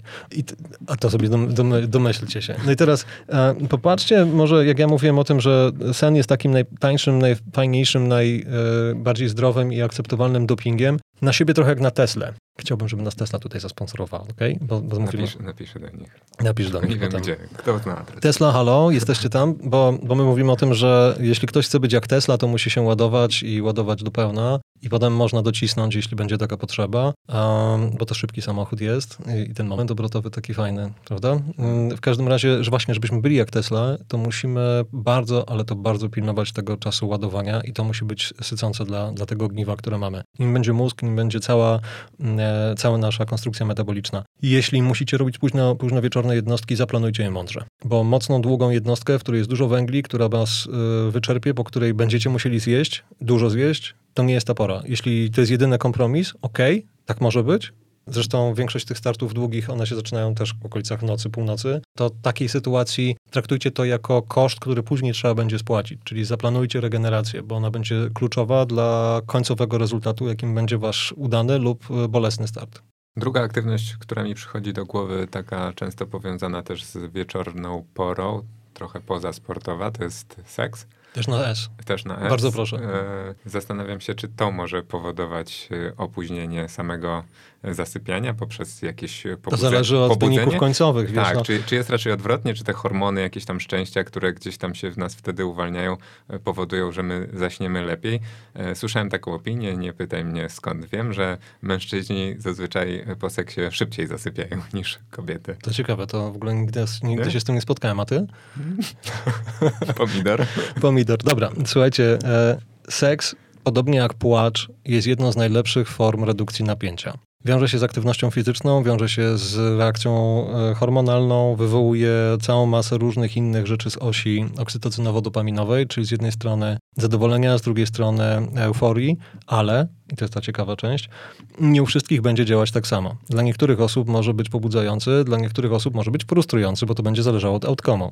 No nie, tak jakby mm, patrząc na to, możemy w ogóle przyjąć, że udany, satysfakcjonujący seks dla obu osób uczestniczących lub jednej, ale zaangażowanej ze sobą, może być rozwiązaniem e, oczywiście e, wspier- wspomagającym lepsze samopoczucie i zaśnięcie, ale nie może być narzędziem do zasypiania, nie może być narzędziem do regulowania emocji jest jedną z aktywności fizjologicznych, jedną z, jedną z treści układu limbicznego, e, czyli tej ssaczej części, którą mamy w sobie, którą wymasterowaliśmy jako gatunek do poziomu sztuki i od razu mi się książki Andrzeja Gryżewskiego przypominają o sztukach, czyli całej arta, e, arcie wokół obsługi penisa i waginy, bo, bo takie książki poczynił swego czasu, zresztą bardzo, bardzo bestsellerowe i, i myślę, że mądrze uczące e, ludzi zainteresowanych. Jakkolwiek by nie było, jest to też też aktywność fizyczna, ale nie twórzmy z tego maratonów, w cudzysłowie. To znaczy, jeśli mamy ochotę, to, to tak, natomiast y, jest to dosyć luźno zerwane, zerwane z, nam, z naszym, związane z naszym tematem. I jeśli ktoś po seksie, to niezależnie od płci, po orgazmie zasypia, to znaczy, że napięcie, które zostało uwolnione, było tak duże, że uwolnienie jego zderzyło tą osobę z poczuciem relaksu i zmęczenia. Okej, okay. fajnie, jeśli jest się świadkiem takiego zdarzenia, pozwolić to sobie po prostu e, przez chwilę pospać, bo to jest taki fajny sen. A jeśli jest w bliskości, jeśli to wszystko się wydarzyło w dobrej atmosferze, to to, to może być w ogóle też ciekawe doświadczenie. Powiedziałeś, że seks może być narzędziem e, ułatwiającym czy umożliwiającym zaśnięcie. E, wiele osób korzysta też e, z innych narzędzi. Domyślam się odpowiedzi, ale chciałbym usłyszeć to od ciebie. Czy zalecane są takie narzędzia jak lampka wina, jedno piwko czy marihuana, jeżeli chodzi o stymulację zasypiania? Jeśli chodzi o e, farmakologię, psychofarmakologiczny efekt tych substancji, które wymieniłeś, czy to będzie alkohol w dowolnej postaci, ale w małej porcji, mm, czy to będzie, e, czy to będą kanabinole, czy to będzie jakiś lek o mechanizmie zbliżonym do działania alkoholu, czyli benzodiazepiny albo leki Z nasenne, to nie można zabrać tym substancjom e, tego, że na poziomie skuteczności tu i teraz one działają promująco zasypianie. Oczywiście jest granica alkoholu, kiedy on zacznie euforyzować i może pobudzać. Jest też pewna, pewna charakterystyka, która mówi o tym, że przyjęcie niewielkiej porcji alkoholu może pomóc w zasypianiu, w cudzysłowie, zredukując napięcie. Przyjęcie z kolei porcji przykład alkoholu w godzinach popołudniowych znacząco wpłynie negatywnie na architekturę snu i trudność w zasypianiu w późniejszych godzinach, ponieważ trochę zdesensytyzuje nam ten układ gabergiczny, on się fizjologicznie nie będzie w stanie sam wyciszyć. Ale to są doświadczenia e, związane z bezpośrednim wpływem substancji na tu i teraz. Natomiast koszty długoterminowe, czyli na przykład późniejszego metabolizmu e, alkoholu w, na poziomie aldehydu octowego, tudzież koszty związane z tym, że to są dosyć łatwo adaptowalne w rozumieniu podawania sobie substancje, które e, no, w cudzysłowie są super skuteczne. W cudzysłowie. Dlaczego? Bo jeśli jesteśmy w stanie coś, po coś sięgnąć, to nas wycisza, łatwiej zasypiamy, śpimy w cudzysłowie lepiej. Do końca tak nie jest, dlatego że to zaburza architekturę tą eneromowo-remową potem. Więc my śpimy ciałem, ale emocjonalnie jesteśmy mniej zregenerowani niż gdyby to była prawidłowa fizjologia. Mózg, powiedziałem na samym początku, i to nam się znowu domyka, kocha regularność. W związku z tym będzie się upominać o regularne bolsowanie taką substancją, żeby zasnąć. I jeśli tego nie dasz mózgowi, to mózg powie: hej, halo, a, a kieliszek wina? Umawialiśmy się na coś, no nie? Tak było przynajmniej cztery razy ostatnio, ja chcę jeszcze. Tylko, że mm, to się dzieje kosztem tego, że mózg przyjmuje pojawienie się tej substancji z zewnątrz jako bodziec do zasypiania. W związku z tym, kiedy tej substancji nie będzie, to nasz mózg nie będzie automatycznie sam z siebie generować okoliczności do zaśnięcia. A nie będzie chciał więcej też przy okazji? Ale to już jest jakby dłuższy mechanizm dotyczący tolerancji, szerszej ekspozycji. No, według Światowej Organizacji Zdrowia nie ma w tej chwili e, żadnej bezpiecznej porcji alkoholu. E, to jest e, okrut, okrutny kancerogen, e, czyli substancja wywołująca nowotwory.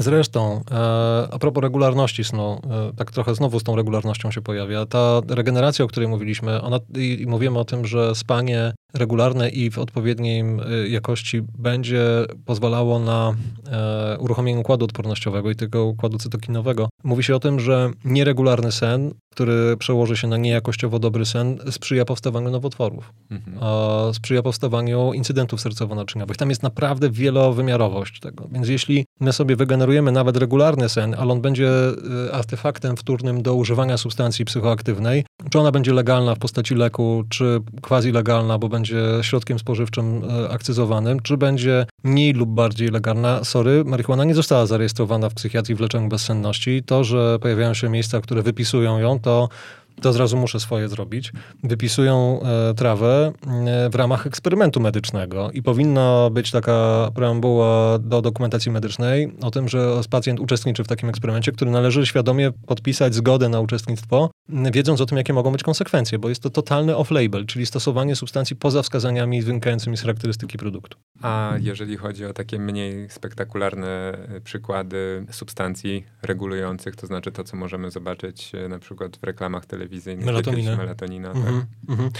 Z melatoniną jest ciekawie, dlatego że my mamy w mózgu y, gruczoł, który produkuje, no myślę, że tak można powiedzieć, szyszynkę. Y, malutką taką y, fasolkę y, acuki w mózgu, albo coś jeszcze mniejszego niż ona, może taki orzeszek pini na przykład, w samym środku mózgu. Y, jest taka piękna struktura, nazywa się siodłem tureckim. Na pewno wszyscy wiedzą, jak wygląda siodło tureckie. Oczywiście. Otóż w mózgu, w środku mózgu jest taka wypustka podchodząca do góry jak kielich, która jest tuż za płatami czołowymi. Tam obok przechodzą nerwy wzrokowe i dwie bardzo ważne, dwie tętnice mózgu. Podpowiem ci tylko, że mało kto wie, jak to tak wygląda. Opisuję. No to więc to siodło wygląda tak trochę jak taki, jak taki e, stolik na kwiatek. Mm, na tym, na tym sobie wisi e, przysadka, a chwilę do tyłu i pod wzgórze tam jest też odchodzące z mózgu cudowna sprawa, a z tyłu jest takie właśnie małe coś i to jest y, ciekawe, bo to jest pojedynczy narząd. My mamy, mamy mózg dwupółkulowy, a to jest jedna z właśnie y, z takich pojedynczych struktur mózgowych. A, I ta przysadka, nie przysadka, tylko szyszynka,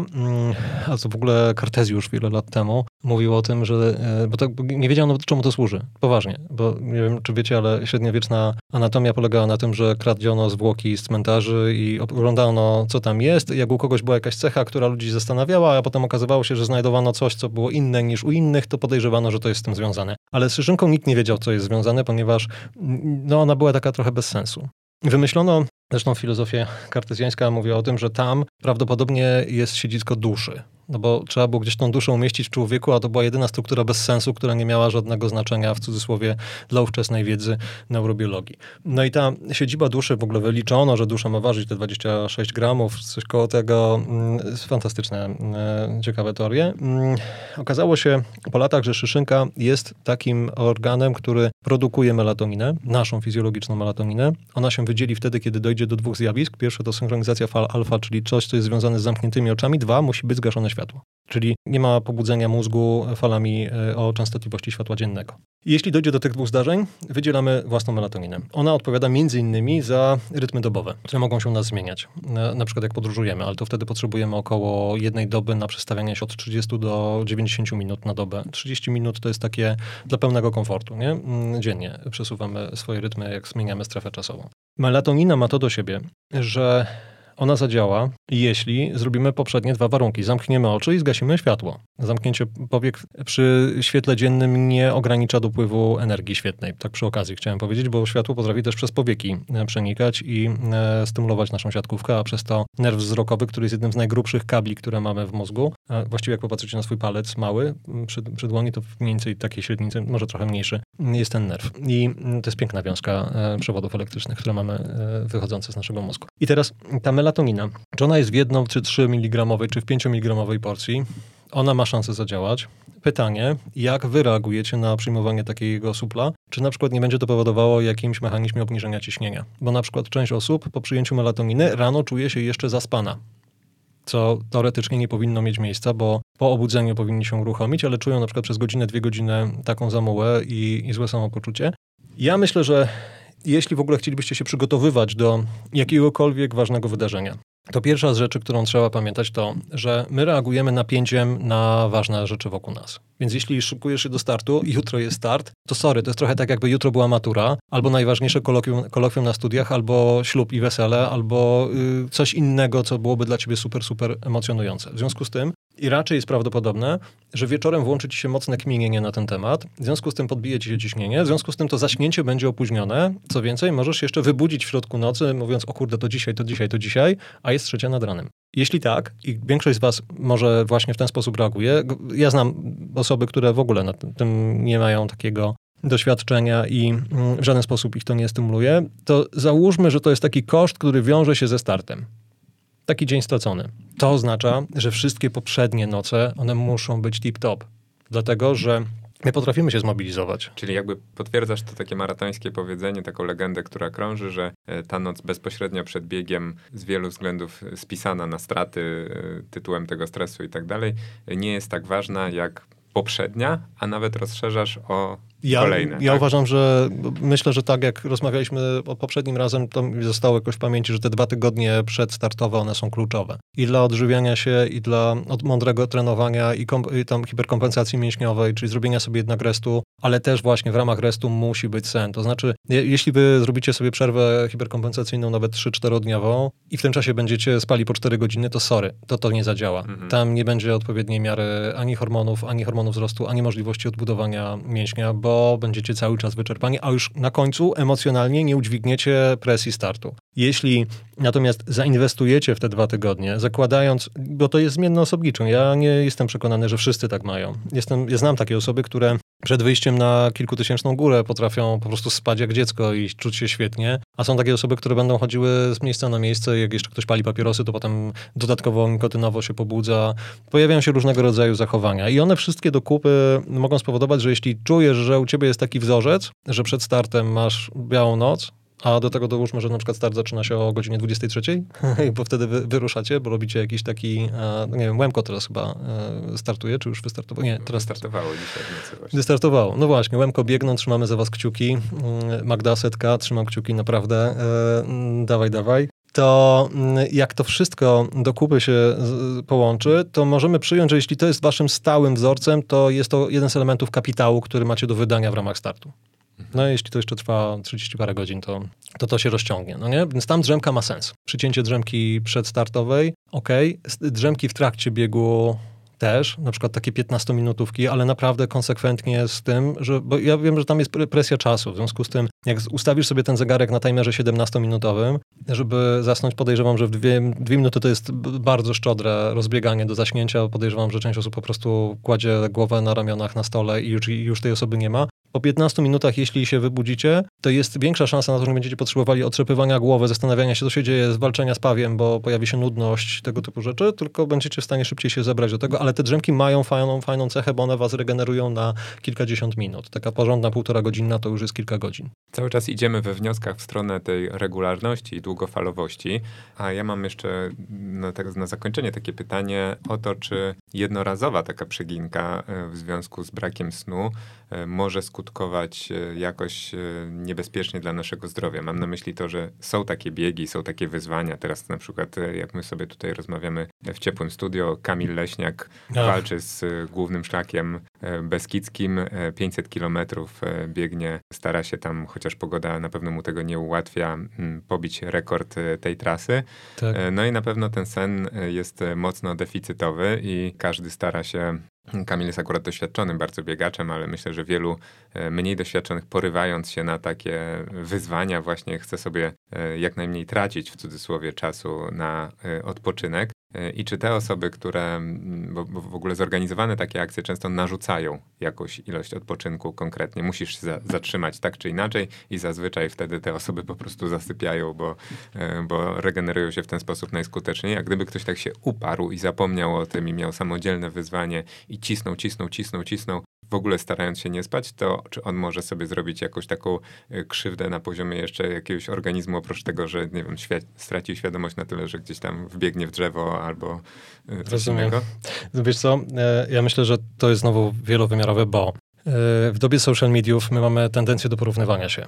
Jeśli ktokolwiek z nas chce się porównywać z Kamilem, ja widziałem Kamila w zeszłym roku na, na UMK 30, widziałem go tylko na starcie i potem już nie, bo jak ja dobiegłem, to jego już nie było, bo pewnie poszedł do domu. A tam chyba w dwie godziny, trzy minuty zrobił, e, zrobił tą, nie pamiętam dokładnie tej wartości, ale to było po prostu turbo. Jak ja sobie popatrzyłem, w jakim on tempie tam biegł, to ja nie potrafiłbym po płaskim prawdopodobnie dotrzymać mu tempa. Mm, e, więc jeśli patrzymy na superpowers mutantów e, w rozumieniu umiejętności dźwigania, obciążeń, przeciążeń, ich serca, które jest wyjątkowe. Naprawdę, poważnie, patrzmy na to w ten sposób. Ich umysły, czyli to, co oni trzymają głową i tolerancja dla bólu, tolerancja dla trudu, do tego jeszcze wszystko, co było przygotowaniem do, do startu w takiej formie startowej, plus mm, kompetencje organizmu, mm, siły mięśni, stawów, przeciążeń, czyli tej przebudowy, którą oni robili latami, bo to, to nie wydarzyło się w ostatnich dwóch miesiącach. On to, na to lata pracował, żeby potrafić to udźwignąć, a potem się z tego zregenerować i wystartować ponownie, no nie? Bo to na tym polega. To jeśli będziemy się porównywali do Kamila, to większość z nas może dzisiaj wziąć buty, związać, wrzucić na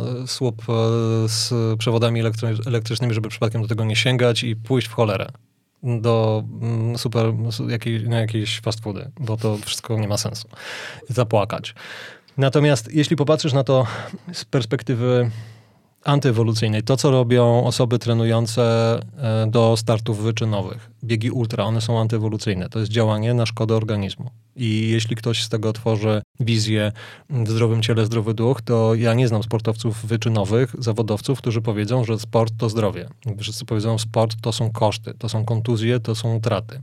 I e, ci, którzy przetrwali w tym sporcie, to są osoby, które nauczyły się, wymasterowały zdolność do powracania, czyli odbudowywania się po kontuzjach, odbudowywania się po startach, takich jak właśnie będzie, e, czy robi Kamil. W związku z tym, jeśli popatrzymy na to w ten sposób, to cała ta e, gospodarka związana z zarwaniem nocy, jednej lub dwóch, czy no, Ficek, który e, leciał w jedną dobę, nie pamiętam, 7 czy 8 razy mhm. na rysy w tak. biegu, no to jest w ogóle hardcore, nie? W zimowych warunkach. E, ja pamiętam też jego, jego bieg przez któryś z szlaków beskidzkich. Widziałem ten film, no wzruszający. Też w pięknym wsparciu. On tam leciał solo, nie? W sensie... Chyba ten łuk Karpat może wspominasz, bo to było takie też... Nie pamiętam. Wydaje mi się, że, że albo GSB, chyba GSB Chyba GSB przebiegł w jakimś turbo rekordowym czasie. To w ogóle coś niesamowitego. On tam pobiegł ileś naście godzin krócej niż poprzednik i teraz okej, okay, tylko to, że ktoś przebiegł z, takim, z taką różnicą czasu w stosunku do poprzedniej osoby, to jest koszt gigantyczny i on nie powstał w tej chwili. On powstawał przez ostatnie miesiące.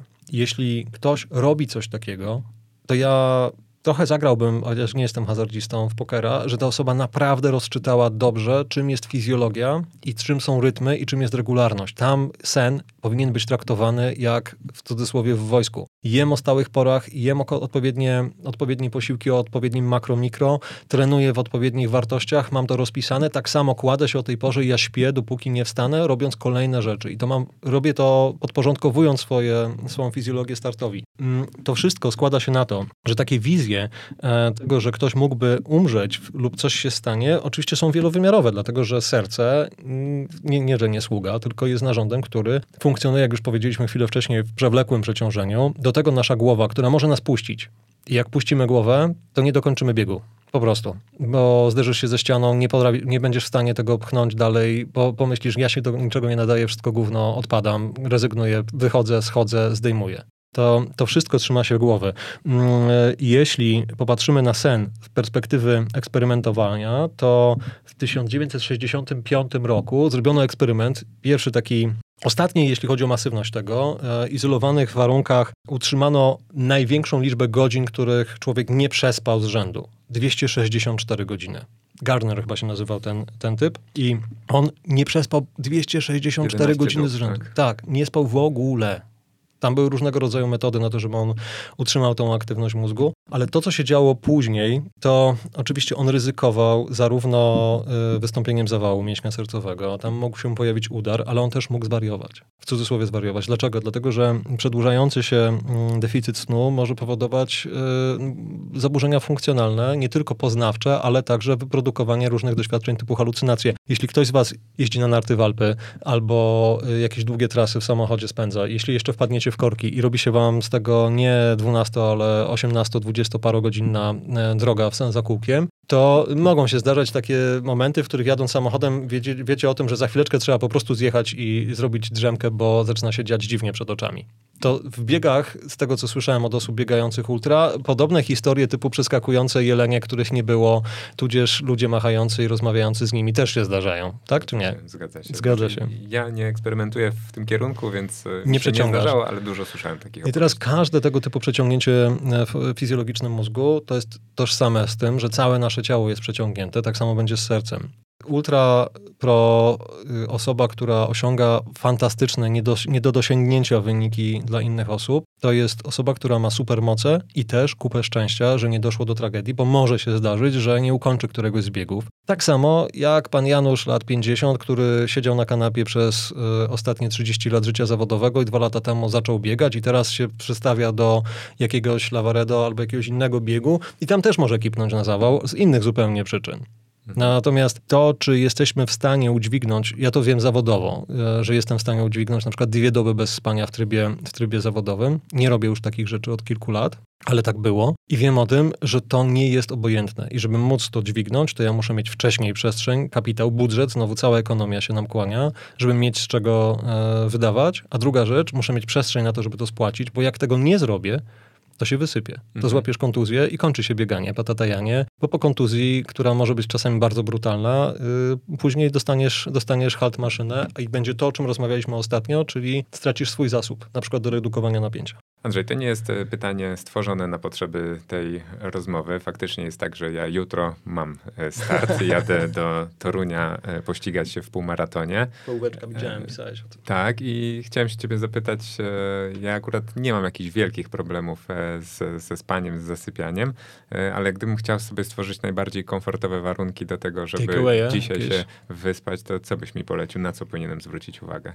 Ja jak robię to w formie warsztatów, to mówię o tym, że jakbyśmy mieli teraz 10 osób i poprosilibyśmy, żeby każda z osób wymyśliła dwie złote porady na, dotyczące tego, co zrobić, żeby lepiej spać, to tak zbierzemy 20 y, punktów, które złożą się na coś, co znajdziecie wpisując w popularne przeglądarki pod hasłem higiena snu.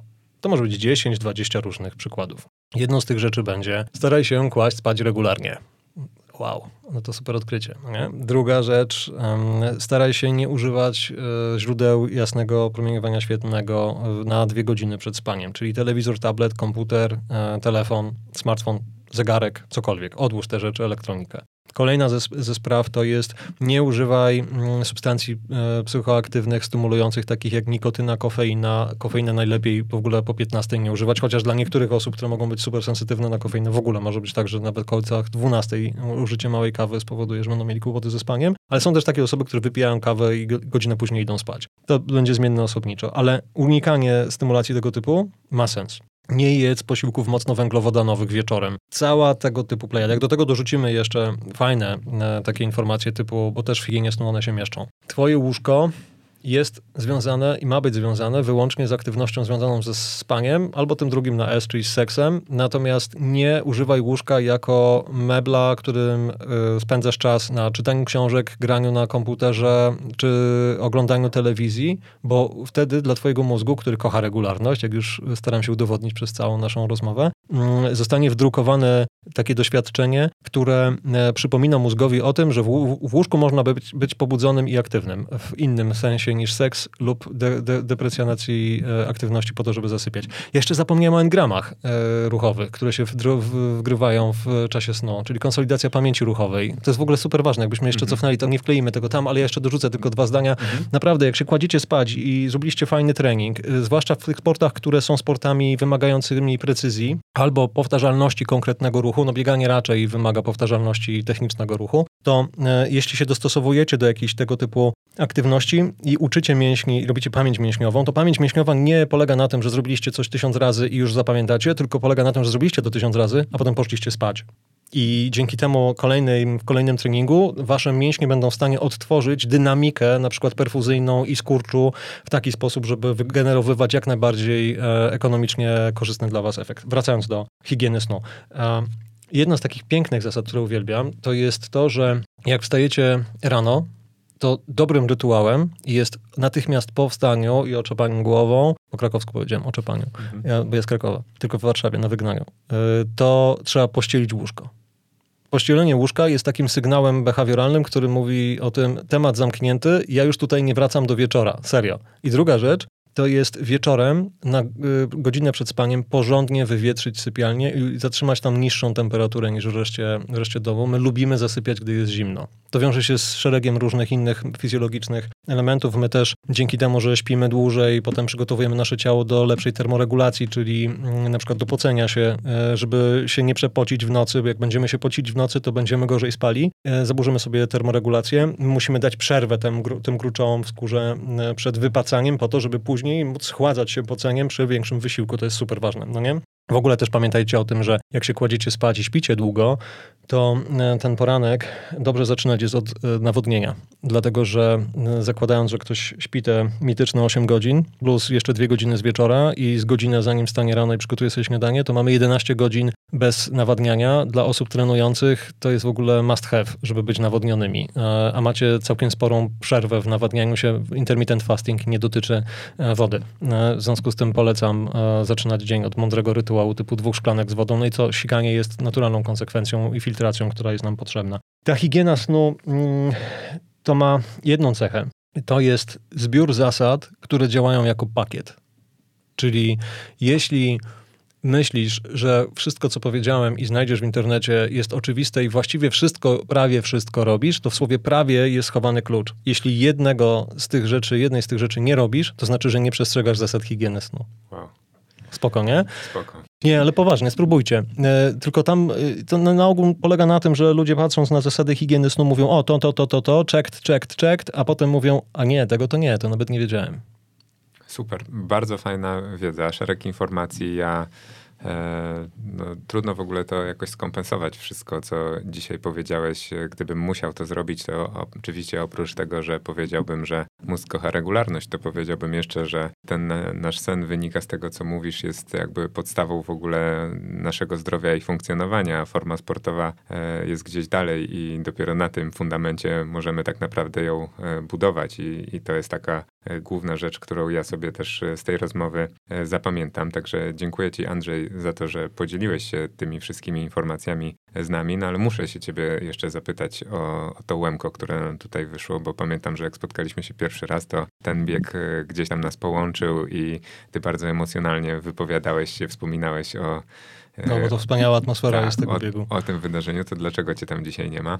Ja jestem e, aktualnie w długoterminowej rekonwalescencji. W zeszłym roku, e, zaraz po covid dziabnął mnie kleszcz w skałach w czasie wspinania w Jurze i kumulowanie boreliozy, która wyszła mi faktycznie i rumienia i, i COVID-u e, spowodowało, że mam kardiologa zakaz przekraczania pewnych wartości tętna to jest, e, no, serce mi się rozsynchronizowało, ale ja patrzę na to w tej chwili z perspektywy humorystycznej z innego powodu, ponieważ e, stało się to pierwszą możliwą okazją w moim życiu do tego, żeby zacząć budować bazę. I najciekawszym odkryciem, słyszałem o tym mitycznym slodgingu, e, czyli truptaniu, bieganiu w miejscu w tempie osoby chodzącej obok.